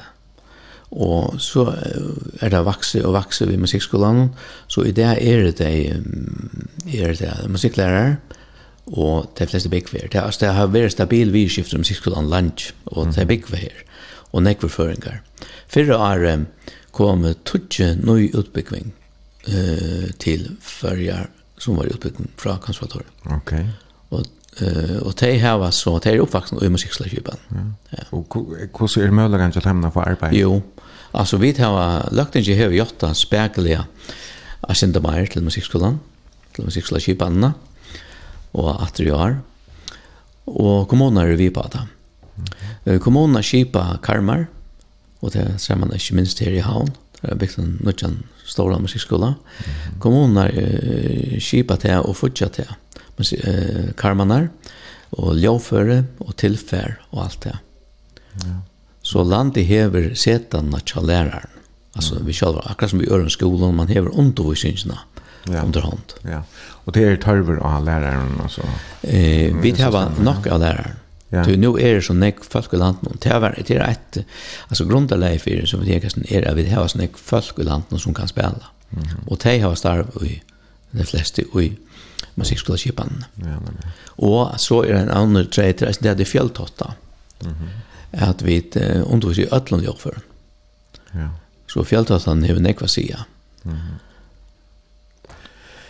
Martin, jeg halte vi skal ett et lærer, ja. og han vil fære hva jeg er i praten om.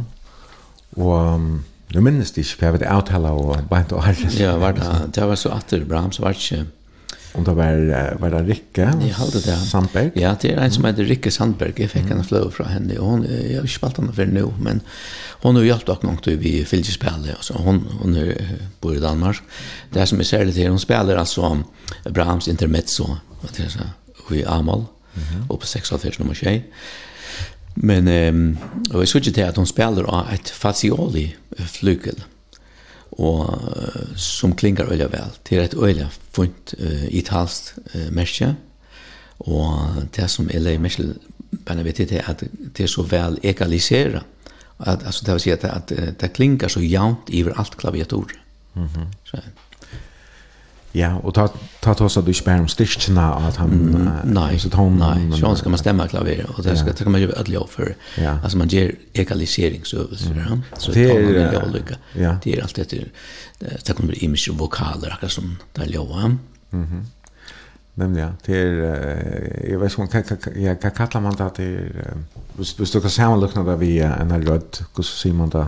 Ja, så det er om det har imska om det är i E och a om det har någon låg imska då. Nämligen. Eh det det det det ger alla instrumentalister alltså innanför klassiska hemmen. Ja. Det kan man så också om det, där man då med bevisst om det. Ja, nämligen. Och lägen og hon hevur fått anslæ. Mm. Altså det er jo ikke som, som i alle instrumenten, så er det ikke bare trøst og eller blås og ja. Du skapar jo klangen av alle ljøfer. Det er ikke bare man blæser i annan endan og så. At man skapar jo klangen inni og i munnen. Mm. Men her er det så vi fingrene. Ja, ja. Og hette stikket eit... Intermezzo. Og intermezzo, det er jo en pausa. Mm.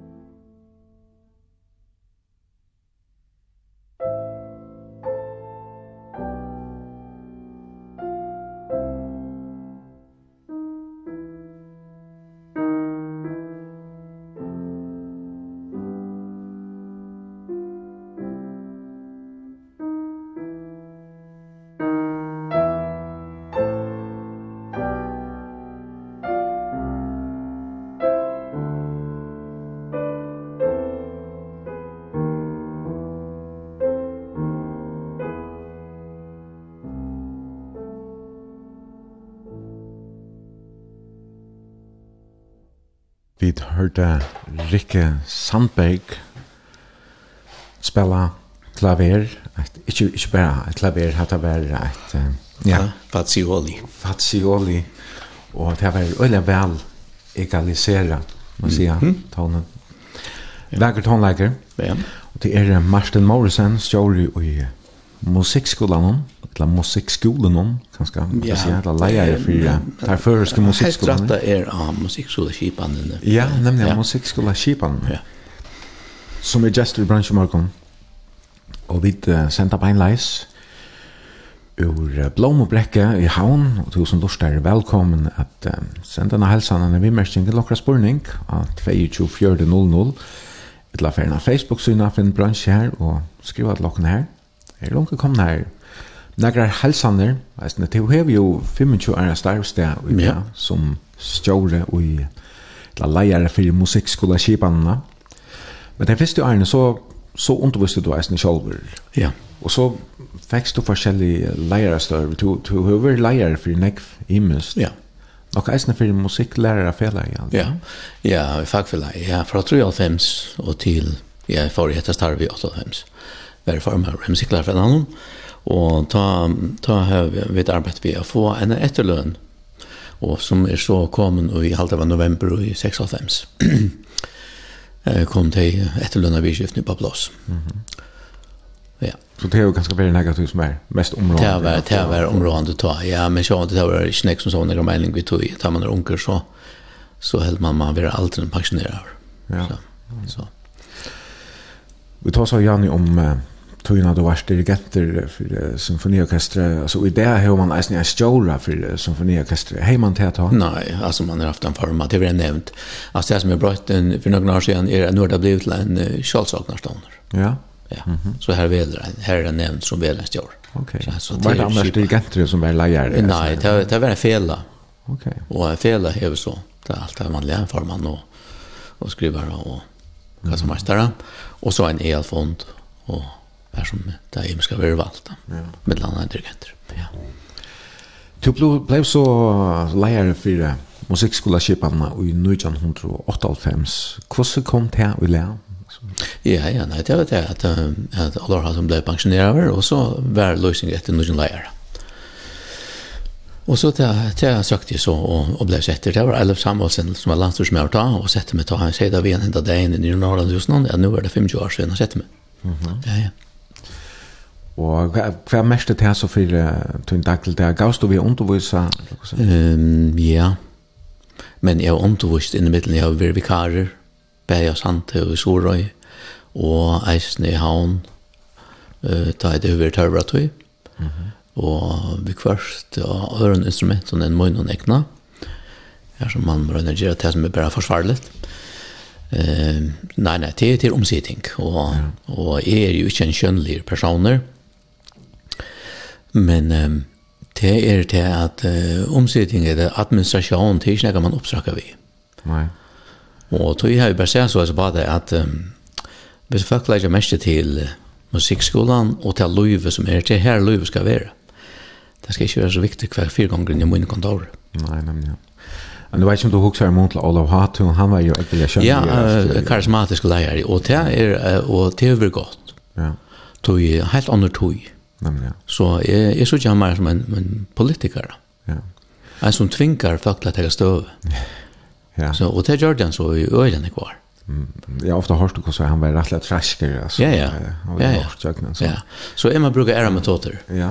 Men ta till så börjar vi ta er lugga som alltså man kan se att det sätter kinnar här men så han det är det ment och så han lägger så jämnt. Ja ja. Men hva er er det her arbeidsoppgaver som, som uh, stjåler ja, og leier? Ja, det er løs, jeg synes ikke det var den opprona i løsningen nesten, ja. Her stender det at, at, at, at det er fortjellig arbeid, namsfrøylig arbeid og fyrsidingerlig arbeid. Det er stort om det. Så læreren er sett ut av landet Og det er det jeg greier løner og alt det her, det skal jeg kan at det er rett og og lønner slottingar og alt dette forskjellige som kan tidja seg sindra omtrent, men det er viktig at det er på plass. Mm. Og det er nesten det som jeg husker om. Og, altså det ene utelukker skit. Altså du kan ha skil for en fatje og ha skil for nøren eisene. Jeg har jo en utbygging som er et omsida nega annet enn en mot forstand. ja, nemlig ja. Men um, Du arbetar så ikke av musikkskolen, och er du landar vid en ganska flere som har hållit at du sitter här och höjdsvännen. Ja, nämligen. Det jeg av landskola fyrsidningsne som er den centrala. Mm -hmm. Och så i halvt år 2000 så flottet vi det över av Hövksvägen och i Mäntamalaröje. Ja. Här sitter jag här med kontor sammen vi är her fyrsidning. Mm. Och nu förstått hon är det for noen år sedan så får Mäntamalaröje och undervisningar over hver sin sted. Så jag at den politiska myndigheten ikke er i undervisningarstøyren. Okay. Og, og er så i undervisningarstøyren her som fyrirsidingen er. Og det er framvisning i Høgsveden. Hvordan var musikkskolen, altså da er to byer som, som står i, i 1998 og i mån til, ja. så som vi kjenner han i det. Ja. Jeg synes ikke det, og jeg ser samrøven her, at jeg skal begynne, at jeg sier til at ut, jeg har halvdar 28 læreren, og var 23 utlendingar. Um, og i det kan man säga alltså som det är folk kommer ärstast fra. Men om man så gör det som utlänningar, det, det gör vi det ju inte. Alltså det är bygg här. Mm -hmm. Og det bygg var öll här. Det er ikke så nekker som kommer til landet fra sted. Og sjående de første årene, det er alt dette blir nytt og man skal se at folk som har en utbyggving, vi papyrer og alt det der, så det ser at har først å få at det passer sammen alle stedene rundt om landet. Så de første årene, de første tutsi årene av musikkslagskipene, var det flere enn hundra lærere som kom og får. Mm -hmm. Og det var sånn ekvida turbulent som man kunne nesten ikke firhaldes til mm -hmm. eh, hver man skulle samstarve vi. Nei, nemlig, ja. Men det kan man så i det. Ja, så ikke så stor utskifting nå er det. Nei. Nå er det mest føringer. Mm -hmm. Ja.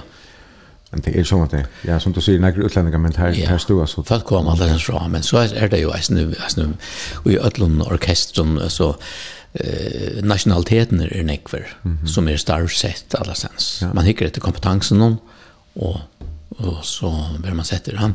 Så er det ikke under målet. Ehm eh de fleste tar så först ja. som som nå er, ja. Ja. Mm -hmm. okay.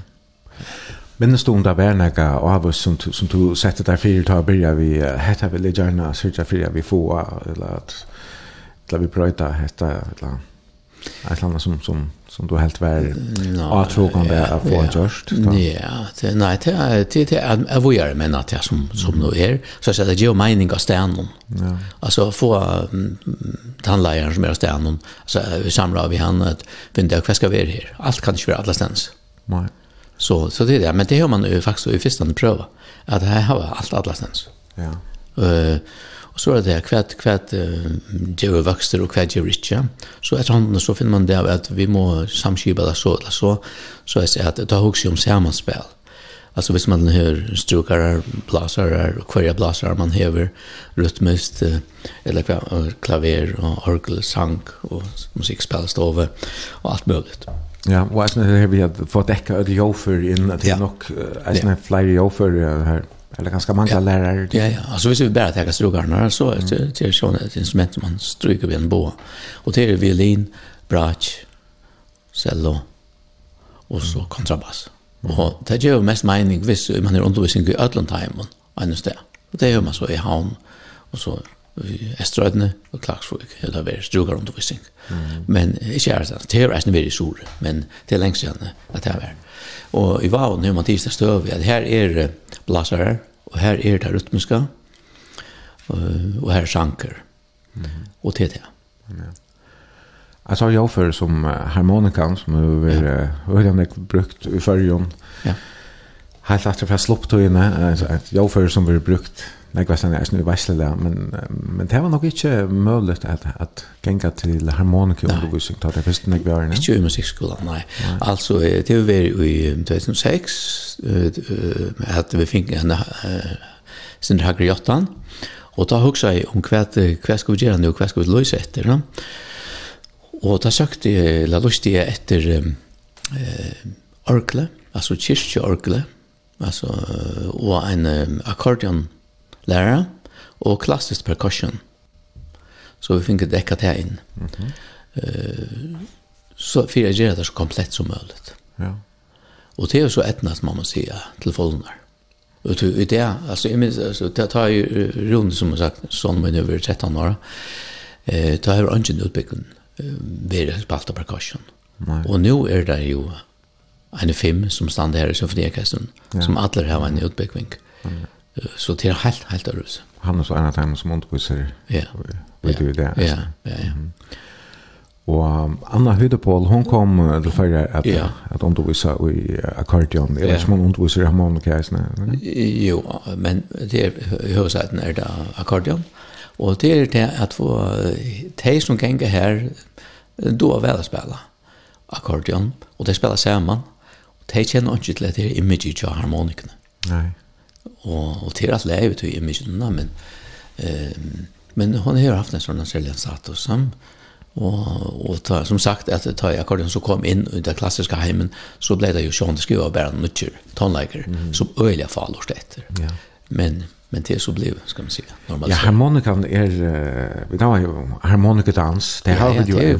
Det är ganska sälja för det tog in att Ja, och så här nämn kan spela ju i dansfröj. Ja. Jeg sier nemganer, akkurat nemganer. Mm -hmm. Hver vik, eh, som er dem nå. Ja. Så det er å få til samskipa. Så jeg at, uh, at skolen ikke bare er til for sin egen skole som ble sier. At man blandar seg sindre i samfunnet og, og spiller. Det er en ordentlig musikken. Altså, opprinnelig er, er det jo folkekanoner og alt det hele som så er blivit stiliseret til himmelske høve og malortere konsert og, og alt skal være så veldig rett og alt det der. Mm, ja. eh, men og, og det är ju akkurat som vi mal någon att eh första mal uh, språket, alltså eh och så igen hur man ska göra og och till samme vi talar liksom att talar hur ju är här och så man ska göra nye. Ja. Så gång man på om man då läser något där lite. Eller og et som är det att jag først skriver skriva nye, Så skal du ju när du leser talar så skal du få lov igen. Mhm. Akkurat som vi mal. Ja. Du kan ju gott spela det på för jag kan ta om skallt. Så det ständer det. Men hvordan er det her på sammen show att läs här förskilda stilarna och chanserna det vidare vid jo at det är det er imsa meningar om tonelike og det er det som vi kallar för ordentliga tonelike og så er det ganska ikke så ordentligt tonelike. Ja. Er, jeg alltid tror jeg sier at det er nok snakk snobbar roi innanfor tonelike eisne, at och kanske några fördomar äsna för från rytmisk tonläggaren som var det klassiska tonläggaren tar då bara spelat noton och Men det var det för. Mm. Och det det var några fördomar äsna från från konservatorium men det och så det är att alltså helt gamla då i att hvis man studerar spela så måste man undervisa. Mm. Så att och det är ju pura det är ju det är pura bra. Ja. Alltså det ständer ju så att man inte musikläraren är att där kunde søgjum farløy fyrir jeg skulle ha vært ute innan tonleikar. Mm. Og, og det gjør det så eisen, ja. Så, så det er, det er tøtninger mye at uh, det er lov til å ut i um, pulveriserende løvnene, ut i ut innan løvnene, som tonleikar. Mm. Det er ikke det man kan være utmerket av lærere om man bare sier underviser. Ja. Det er slik det. Så her finnes nekver varianter. Ja. Så er det som månen på mellom klassisk tonleik og ja, og rytmisk tonleik. Ja, jeg opplever av mån, altså slett ikke. Men, så du skal vel kunne rumme øtlån og ja, ja, ja, det er det. Samme måte. Ja, og altså det, det er utrolig nekver ja, kulturer innenfor det. Og her må man tenke utgangsstøy ut i kulturen som er. Hva er treiter her hesten her, kulturen for at hva skal romast i hesten her, som er en helt annan kultur enn en øren ljåfer spøltje. Ja og hvordan skal den utvikles. Mm -hmm. Så jeg halte det at som leier så det blir ikke blitt spurt om, altså, jeg minst det var en uh, professor i London her, og kan jeg skulle vært i forrige med at Ann Bamford. Og så er en lenge lista hva en leier skulle innehalte. Og aller sørst her stod at um, en skulle skal ha katalytik talent. Katalytik talent. Mm -hmm. Og, og så skal man ha analytisk evner. Og så det katalyserande evnen. Det betyr det at man, at man sender til avgjør som en nøyet for prosessen skal færre gang til selv. Ja. Det er det som en katalysator gjør. Han ja, ja. en tendring av en bilmotor. Han sender bare det som skal. Ja. Mm -hmm. Men ja, det, at det er et øye brett ötja och, det är väl i ska uppfatta det. Du också nämnde om det ganska det rytmiska. Ja. Ja. Alltså hvis man tar det traditionella undervisningen där projekt till klaver och undervisning för så hur det är faktiskt som yngste skola eller som som damte skola som är skola meint där ja. Eh men det rytmiska är ganska en helt annan mat att lära på. Att man har en plattform och så lär man härifrån och är kvar nörren och och lustar. Mm. Så det blir ju en till arm och skolan skulle vara till. Ja. Så det är bara viktigt att man inte köver det hela. Nej, nej, nej. Och att det bara blir rätt. Mm -hmm. Ja. Ja, ehm jag kan och jag menar men att att att det är en en stor avbjörning få öll att gänga takt till när sagt alltså alla alla så imse musikskolan där som åter har en nekvar imska lärare som åter har kurserna uppfattande av vad det är tonläge egentligen och vad det är det som rumrande runt tonläge. Det kunde vara en en en, en, en, en, en, en, en, en, Fyrir te, kvært kvært er så tonlager. Eh ja, det är det. Alltså eh vi har slått det av alltså det som iverarna så kommer musikskolan under folkeopplysning. Mm. Så vi skulle inte regne vara populär. populære. Nei. Men jeg gjør det som ingen annan gjør. Eller kan gjøre, det kan vi gjøre. Hvis noen annen kan gjøre det, så er det ikke skulle gjøre det. Eh, så det er vi folkeopplysning, det er aldri viktig, og det er vi fjelltottene. Mm særlig. Og den klassiske musikken skal hava til seiter som han nå skal leva under. Mm. Men hva du er fett opp som tonleik? Ja, det er så det. Jeg bruker ikke nek tonleik. Altså, jo, jeg, jeg spiller klaver kvann det og så. Mm. Og det er mest for min egen skuld, altså, vet du. Ja, jeg bruker det ikke, jo, hvis jeg skulle ha spyrir, jeg bruker det ikke som forbruks, altså som, uh, som forbruksmentalitet, slett ikke. Og andre idol eller noe sort. Nej. Nei. Kan vi, alltså kvelden här då du slappar av, lort at du så etter? Nei, altså, jeg slett ikke fri ødlen. Altså, ødlen ljøve. Ok. Uh, Og jeg synes hvis jeg kører med torsøklig og sånn, jeg har ikke lov i, i, i hjelmen og natt. Nei. Og, og det er faktisk et problem at jeg, jeg skal høre tøynt, ja, at jeg er aldri ikke ut å høre. Så slett ikke den, og så er det for sent at den ratter. Mm. Ja. Så, så. jeg vet ikke om at jeg sier noe om utvært. Nei, altså det er ikke om man sitter og analyserer det litt, ja. Ja, nemlig, ja. Uh, så. Jeg kan bare ikke ha det akkurat hvis jeg skal gjøre noe. Men altså, hvis jeg skal gjøre noe fysisk arbeid, så ja. hvis man har støpt gær eller sånn, så kan det akkurat hva som helst. Man drar fram halvsøve eller hva annet, det ligger mye. Men tror jeg har vært vi tonelager til at de fleste halte seg ha skil for tonelager. Jeg synes de som overhøver stå og spille, altså ødler jo født ved en musikalsk intelligens som, som kanskje er med mer eller mindre. Mm Men öll halda sig kunna vurdera vad det går tonlager, vad det gott, vad det allt. Mhm. Alltså det det lugga mig nästan. Kvant att ta sig så så har den en mening. Ja, det är väl personligt, ja. Det är det. Og nek vil det sikkert sagt at jamen, lägger til nekka som rører det og nekka som rekar i kjenslene her, mm -hmm. som ferdig til å føle og ja. Ja. Men uh, det är ju ändå flera poster in till det. Det kan man säga. Och du ser folk och upplösning så är det väl en uh, musikserver och annat. Uh, nej nej, mm. ja det det kan nästan vara. Nej, är också ju mest om det att komma i samband vi några som man inte kände fram undan. Mm. Och och du spelar tonlag så är det långt mentna server. Ja. Alltså men det där visst man alltså jag som vi gör i musikskolan det är ju i mesta mån att lära nämligen att han för att lovföre och Det er et um, akustisk ljåføre i fleste fører. Mm -hmm. Men det er eisende andre ljåføre. Um, og å skapa en klang. Det er veit som folk som ikke spiller, det seg at man bare eh, uh, att jag lykke, lykke mycket för spelar. Mm. Men ödla akustisk ljåför kräver jag att alltså vi kommer som spelar hever en tillvitan om klangen och och då gjør det. Som er ganske ringere å förklara. Ja, det er ikke vi har blåsa liv i jordfør i eisen, ja. Altså, det, det hever også, ja. det er organisk på en annen måte. Ja. Hvordan er klarinetten? Han, uh, Hvordan hun er, ja. Ja, altså et, et tre jordfør i eisen, ja. Altså, altså. Ja, ja. Um, ja, altså her, her gang man øyeljakt oppe i klang. Ja. Ja, ja. ja. Martin, avhåverst, jeg halte vi skulle få spille et lealt træt, hvis vi skulle... Ja. Nå er nøkker et træt. Ja, det er Og ja, her er med den andre at vi uh, Sabine Meyer. Ja. Som jeg vet ikke om du har vi skal spille. Jo, altså hun spiller... Um, eh, Eftersom som du helt vill spela akkurat vid klarnett. Eh, hon spelar klar annan sats av Mozart eh, klarnettkonsert. Mozart har bara skrivit en klarnettkonsert. han gjort det vid, vid ändan eh, av sin löve. Eh, och det som hon spelar på eh, Sabine Meyer, hon har spelat vid Berlin för stått eh, Tyskaj. Mm -hmm. Samma vi karrieren ta. Og hon spelar på en klarnett som vær ta ut og inne. Det er sånn en langere enn hesar, det er en bassettklarnett. Og bassett, det er mye bare en lagre. Hon er jo nærkere gibretoner. Ok. Altså bassetten. Mm -hmm. Så det er den originale versjonen. Og heter uh, klarnettkonsert i Adur? Adur, ja.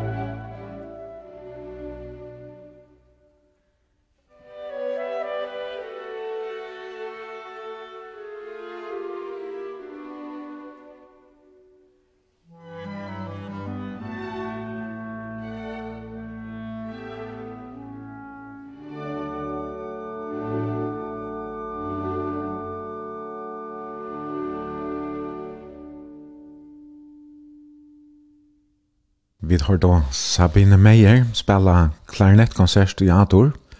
Og det er Martin Morrison, stjåre av musikkskolan, som er gestor i bransj i morgen, og som vil tonelegen. Og vi har sendt nå i nesten tvær timer, beinleis blomebrekke i havn. Og det er flere som har skrivet inn til dere. Er det der nekker helsaner, Ein tann nødjaste her, Joa Solais, Gåa Marsten, hjertelig at lukke vi 25 år starvstenon som musikkskola stjåre. Takk for godt samstarv og ein musikkskola i fagrasta blåma. Helsan, badna og utbyggingar malaraje. Så, jo, takk for det. Takk for det, ja. Det er nytt malera. Ja. Ja. Men, uh, Eller er ra etter da. Ja. Det blir framvis til at uh, skriva 2400 eller til Facebook-syna som er brunch. Vi venter atter til uh, til om en luttla løte. Men hugsa vi uh, Luka skulle avslutta det vi tås om Janne vi uh, vi uh, musikkskolan og her som tid uh, er i det at at uh, togina brøytas snegg og vi tar tås om nek jo og imenska stoilar og så vidare men, men det er jo eisen en sannrønt at Øyla nekva tonleikar i det har vi gjort av teltet, og de unge de bruker øyla nekva tog, ja. framme for skutjar, begge teltet og, ja. telefon og annet. Ja. Og hvem hatt mest av tid her sier gongtene og musikkskola kjipene? Ja, altså vi har ikke mest av enn, men eh, hvis man hokser om hvordan vi er til i fremtiden, ja, altså vi har mest av at bøtene er mer opptidsen av, av skjermen og sånt, det er ikke bare vitsen, det er mest av det. Men eh, hvordan det er vi tar oss av om det gjør, faktisk, leierne. Ja i musikkskolen og jeg. Ehm det er det er ikke så nek som bare sitta og klimpra på en gitar og som doa sinter og det virker ikke så interessant som det hever gjørst Aren og eh det alltså det som vi gör alltså vi lär att han för att lovföra och det är oftast är det ett akustiskt lovföra det vill säga att det själva ska göra lova vad är ska matar antingen har blåsa eller struka eller slå. Mm -hmm. Men ja, det, det är också inte att vi får mer iver och i i framtiden och om att producera och det är en utbildning ut i produktion alltså ja. framlägsla och sånt ja. Så så där vet vi. Men alltså man det är väl att gång då i lov förs från lärare och i Europa och i, nu i Nekvar. Det inte för inte för. Nej, nej för den här då blomma framvis. Ja. Så spørningen er om bare vite om det er reaksjonsstøyen som er langere, eller uh, hvordan det er vi tog i. Man hører hvordan ofta, altså musikkskolen for øyelig ofte rås og ærene for at vi eier sånn ikke var gode ungar tonlagere ja, ja. i følgen. Mm -hmm, ja, det er rett. Altså spørningen er bare om det allmenne, det var seg omfattende opplysning i Jan, ja. om det er så at man enten spiller eller ikke spiller. Mm -hmm. Så kanskje skolen må eisen flytta seg og, og møte de unge her som det er. Ja, det, det beste er hvis det er samstarv i folkeskolen. Ja. Då tror jag att um, det, det blir minne og minne av tonelag inne i folkeskolen, eller tonelag och sanje. Så och särskilt här som det är små vidskifter här da tror jag mye att det är sammen vid skolan och att um, ja, som, som vi gör det tar vi var små, man bara synker om ikke. Ja. Så som man är aktiv på en så man inte bara är brukare eller förbrukare. Mm -hmm. Att online. Jag hade ju kurs för förrjorna så senast jag är nu, nu har vi ägstna sätta fra för tog starven som är här vet att är otroliga nekvedonalir och tonlagar och som är öliga virkner och spela. Ja. Ofta er, er det et høyerska, ja, det er noen år, her tar er utrolig virkning å spille en nekvun imenskon balkon, og så blir jeg derfor nere å lese, og så kommer neste atterlige av av ungon tonlagar som då är ofta än bättre än det här som var från någon annans. Det blev bara donaligare och donaligare och det är, och det är otroliga näkva av dem. Ja. Så det verkar inte som att här kommer styr. i. Nej, det är det inte. Nej, nej. Och det verkar nästan som att de spelar imes jag för och det här klassiska tonlager är lika, man kan säga, cool med ja. de unga som har varit rytmiska tonlager. Ja. Och det har var ju nästan urkolläkare, utbyggvingarna. Ja. Här är nästan onkel unga har, har sagt innan. Ja. Ja, ja. Ja, han, her er flere som vi har etter som er kommet inn i konservatoriet, forskjellige stens. Ja. Og middel annet her, unge orkelegere. Ja, han har hørt at Stjøttenskott, han var kos, nei, vi oppskottet til som Orsens, nu han er åndlas Orsens Bøyre, Åre, ja. Han er kommet inn i konservatoriet i København. Ja, men ja. Ja.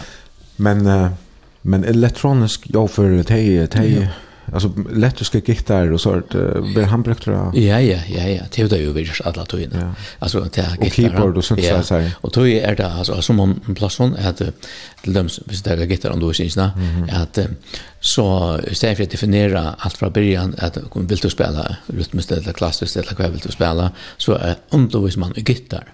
Ja, nej. Akkurat man lär läsa och rockna. Vi visste tog Ja. Och hur kan ska flyga sen og och å spela gitarr. Og så, så man så, må man eh så man man finne det av i tvinne hva, hva vi skal man färra. Ja. Då det er klassisk utbundet gitarrlärare og det er rytmisk utbundet utbunder det er kvørsut konservatoriet. Og her kommer vi inn att det att det er pura kvørsut kulturer. Og, Och så må man jo lägger seg under til den kulturen. Ja. Så ikke alt blir en skola kulturer. Så det er ikke bare være at det är rätt. Alltså, det må være til skjedene som nu er fire, som gjør att det här mentan. Mm Og da er det at man skal lære, man kan lære sig ikke neutralt at, at, at gjøre en tåne. Eh, men så kjøst som du gjør en tåne, så er ver du en parst av omkring kultur. Mm -hmm. Så det er ikke halvdags neutrala. Altså, det, eh, det er blant av på utan kultur som noe eksisterer aller helst.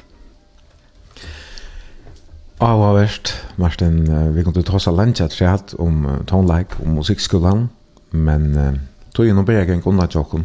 Men kvarjar här att ända kvarjar avbjöringarna, kvarjar avbjöringar så här stod som det här största för musikskolan, alltså kommande åren eller i framtiden. Ja, nei, nei, jeg vant det at det var at jeg jag at det vel. Uh, Men samstarv vi folkskolan till och med som alla tog in och det är fyra gånger reisande där man släpper parstvis in. Men det är ju viktigt att man uh, at man varva etter til her kompetansene som eh, folk hava som undervisa. Og det er en fyrsett fyrir at skulle komme Donald i nemgar. Det er at vi vil hava gode lærere. Och där du så snackar om fackskolan det är så komma ut att det är enkelt fackskolan och ta sig så att man får undervisning. Ja, om man klarar att uh, ser man sig att det är bättre än det är nu Ja. At musikklærer og musikklærer er snu hvis det er før for at hava flokkar eller flere sen. Mm -hmm. eh, hvis det er med hvis henda lærergrein skal ha det godt. Ja, at du kan komme og ha ja. og skjema i altså ja. så ja. fakta skal du nemlig. Ja. I skola tog inne. I skola tog helst, ja. Ja, ja. ja. ja. Om det nå var at, at vi bare skulle undervist i time on jofer någon som nämligen eller föräldrarna som hemma någon gärna vilja kvarje jofer hade så det ja vill stanna till till klaver och gitarr ja. och det är alltså fint men här är det här utbjuvare som undervisar då till kvällskolar och andra som undervisar i gitarr Mm. Och så han kunde vi det det har vi så valt att vi må ha fjälltottan nu. Mm. Och och tog släpp köttla spela till. Nej, nämligen. Nå, Martin, vi har finnet uh, flere helsaner, at jeg tror vi tar, men uh, lykket enda her, uh, og så jeg synes det var vært lykket at høre at du hever andre AHA-mal enn mm -hmm. en Tone Like. Ja. Da har tås jeg om motorsykler, fyrirsendingsene, etlis ekver. Men det som jeg ikke visste til, det er at du eisen isker, altså du skriver iskinger. Ok, ja. Ja. Ja. Er det så? Jo, ja, det skriver, det er sånn, jeg har gjort omkring, ja. Mm. Ja, ja. Och som uh, ni har vært, um, alltså som är generellt ut i ja. tog jag lite om. Eh no ja, det är sån löning i det är magasinen som er et outsider, ja. Ja ja, det var några lista stevne, lista stevne før, ja, eller så. Ja. Her kommer man sända det Jeg Jag sänder så en in her, och så slut. Och och fick så en brus här. Ja. Nei, så har vi ikke en havnasanker som jeg gjør til det, og, og spiller klaver og alt det. Han vil bare spille Ålasøke. Torshavn to av Øtlundby. Ja, nemlig, ja. Nemlig, ja. Jeg har ikke analyseret, jeg har ikke analyseret at han har altså, tekstene, men det er år, som at det er ok. Det er Mellan Thomsen som ja, synger. Ja, nettopp, ja. Ja, ja. Det skriver du annars uh, Irstinger Esne Så, Nei, ikke nå, nei. Jeg synes ikke det. Det er særlig ved om 2004 og 2006 og sendte nekvar kjengar til et um, uh, aneten til uh, adonsko eisen, ja. Det er som er dikte dekvar? Ja, ja, ja, alt er ekstrerer slanger, men det er rett og nekvar, ja. Okay.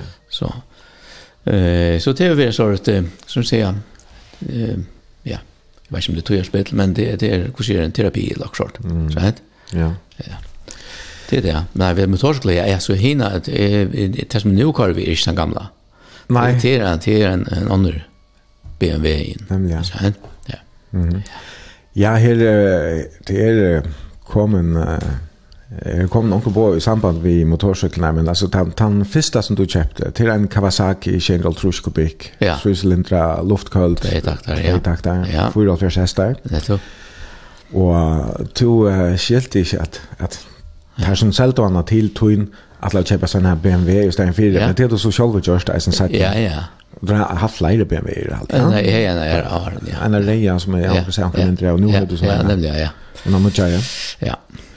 Det er helt over över Ja, det er helt andra kulturer så. Det er en øye for en så klä. Hva er det som tar damer vi just nu. MC Löv någon där Korea linkaturer. Nej, och Bruno Lehodo bara vara fascinasjonen av syklene. Ja. Ta. Man vill ju inte bara fast kläder. Jo, det kan man säga att man har Sonic som är knallest och om man tar sig så är det det att köra. Mm. Så det är det man är i samband med elementen vind och regn och allt möjligt mm. emot en bil och man är två med hjulen och ja. allt det. Så det det är Kör du ofta ensamadler eller det? Ja, kör ensamadler, men ofta kör vi samman nästan. Mm -hmm. uh, vanliga kör vi allt året runt, men det er jo slett ikke vært till det, er det här for et år. Så så det det och för det män i mun aldrig och yngre äldre. Ja. Så vi säkert i stan så repas inte då så. Så om om väcker godt gott och morgon så ja, så kan ska tur kan det vara ja. Norr efter omständigheten. Ja, det kan vara ja. Mhm. Ja, ehm hever Martin Honda-syklene inn. Jeg skriver en av lenka grein om han ena det er Sonne som skriver. Oh, ja. Men han bladar sikkert Honda vi kan ja, sagt. Ja, kan sagt, ja. Ja, nemlig. ja, ja det passar. Hon var ui sånne motorsklubben, det er noen tjadam. Tja, tja akkon eller nu, ja. Ja, MC-felan. Ja, ja, jo, jo, det har vi. Så er det en lort her, jeg synes ikke hvor det er, men vi kommer til å skrive her. Fortell da vi platt jeg kører undan politinon. Vi bare er av Tempolet. Nå, det er nok ikke det, er minst jeg Det er kanskje over to, ja? Nei, det er. Man blanda vi akkurat annet. Ja, ja, det er en som skriver eisne. Det var tøyer, da vi bare lærte til bilmekaniker Javilla Nilsen. Vinnelig helsen, en som kom fra Johnny Geilskott. Ja, ja, jeg vet hvor det er, ja, ja. Ja, ja, jeg er helt rett. Ja, og så er det en som skriver her, jeg minnes Marsten helt fra jeg var smadronker, og Marsten kom køyrande i sånne flotta Opel Manta-biler for at undervisa i skolan. Jeg visste ikke ui at han vil oppleva negv og avavert og stått litt i sånne starve. Vågne han ena for å skriva sånne endeminninger, alt det beste til Lita Marsten skriver ned. Ja, ja, takk. Og Manta-bilen, mm.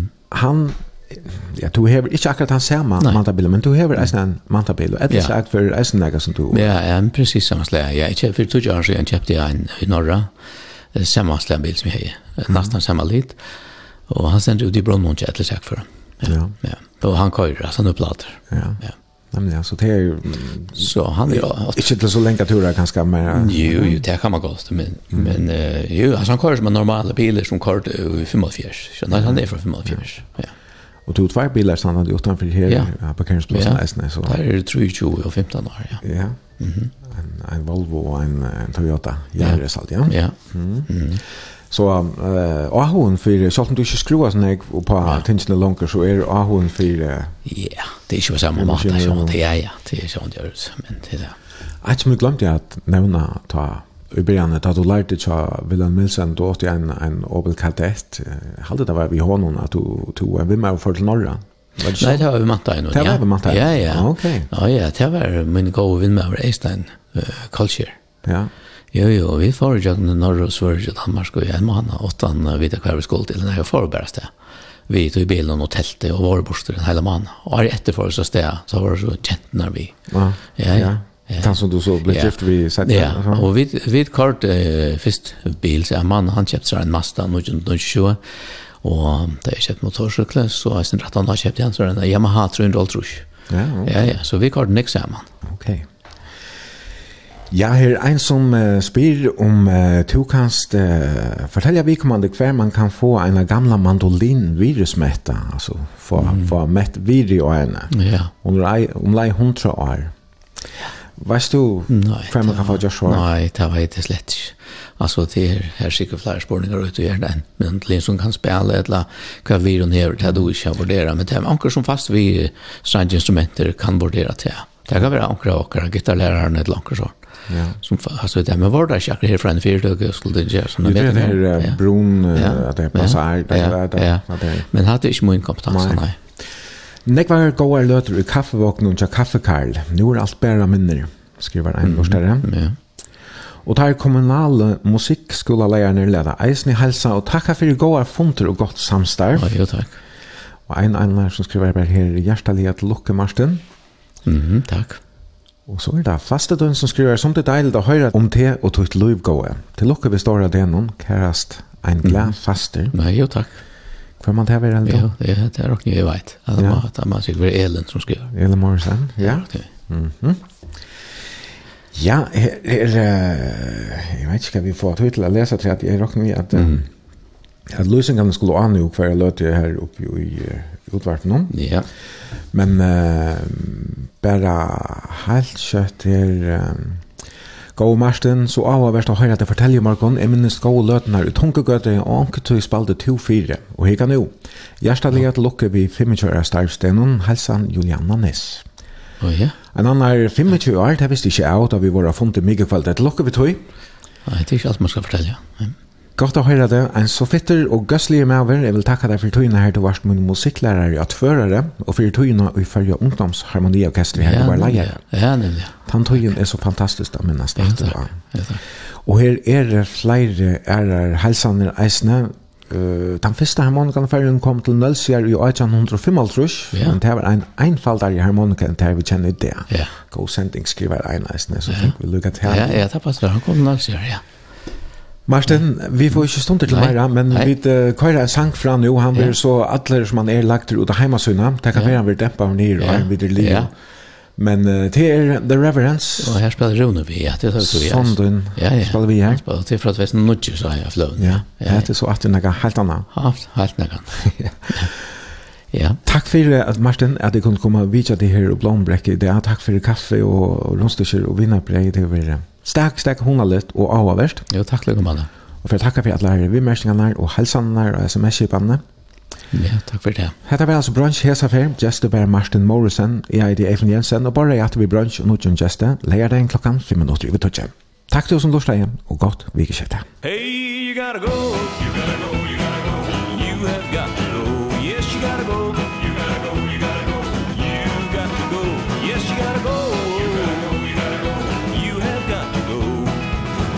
right it's the only way you have got to go. The bright lights of the city always hailed their charm for me. Hoeing corn and plowing soil just never gave me peace. So I set out on a journey just 16 years of age. My pa gave me a slap on the head the farmer three months wage said you gotta go you gotta go you gotta go. You have got to go. Yes you gotta go. you gotta go You gotta go, you gotta go You have got to go. Yes, that's right, it's the only way You have got to go.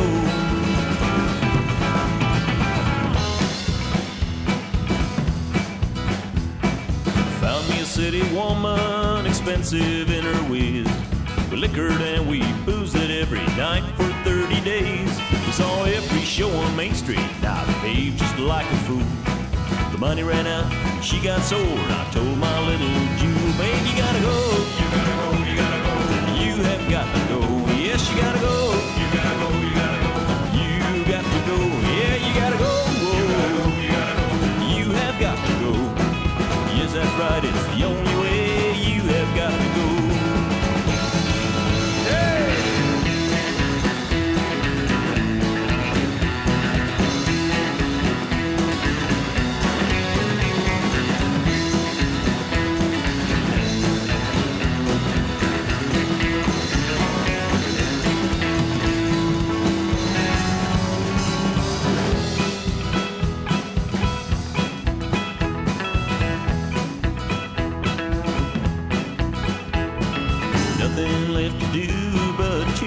be on my way.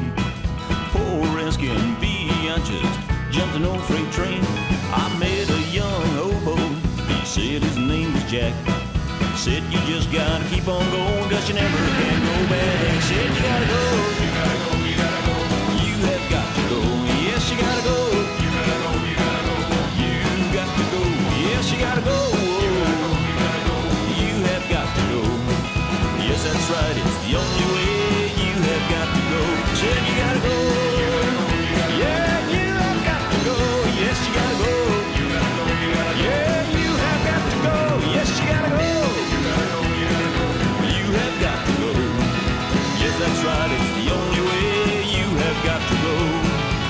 that's right, it's the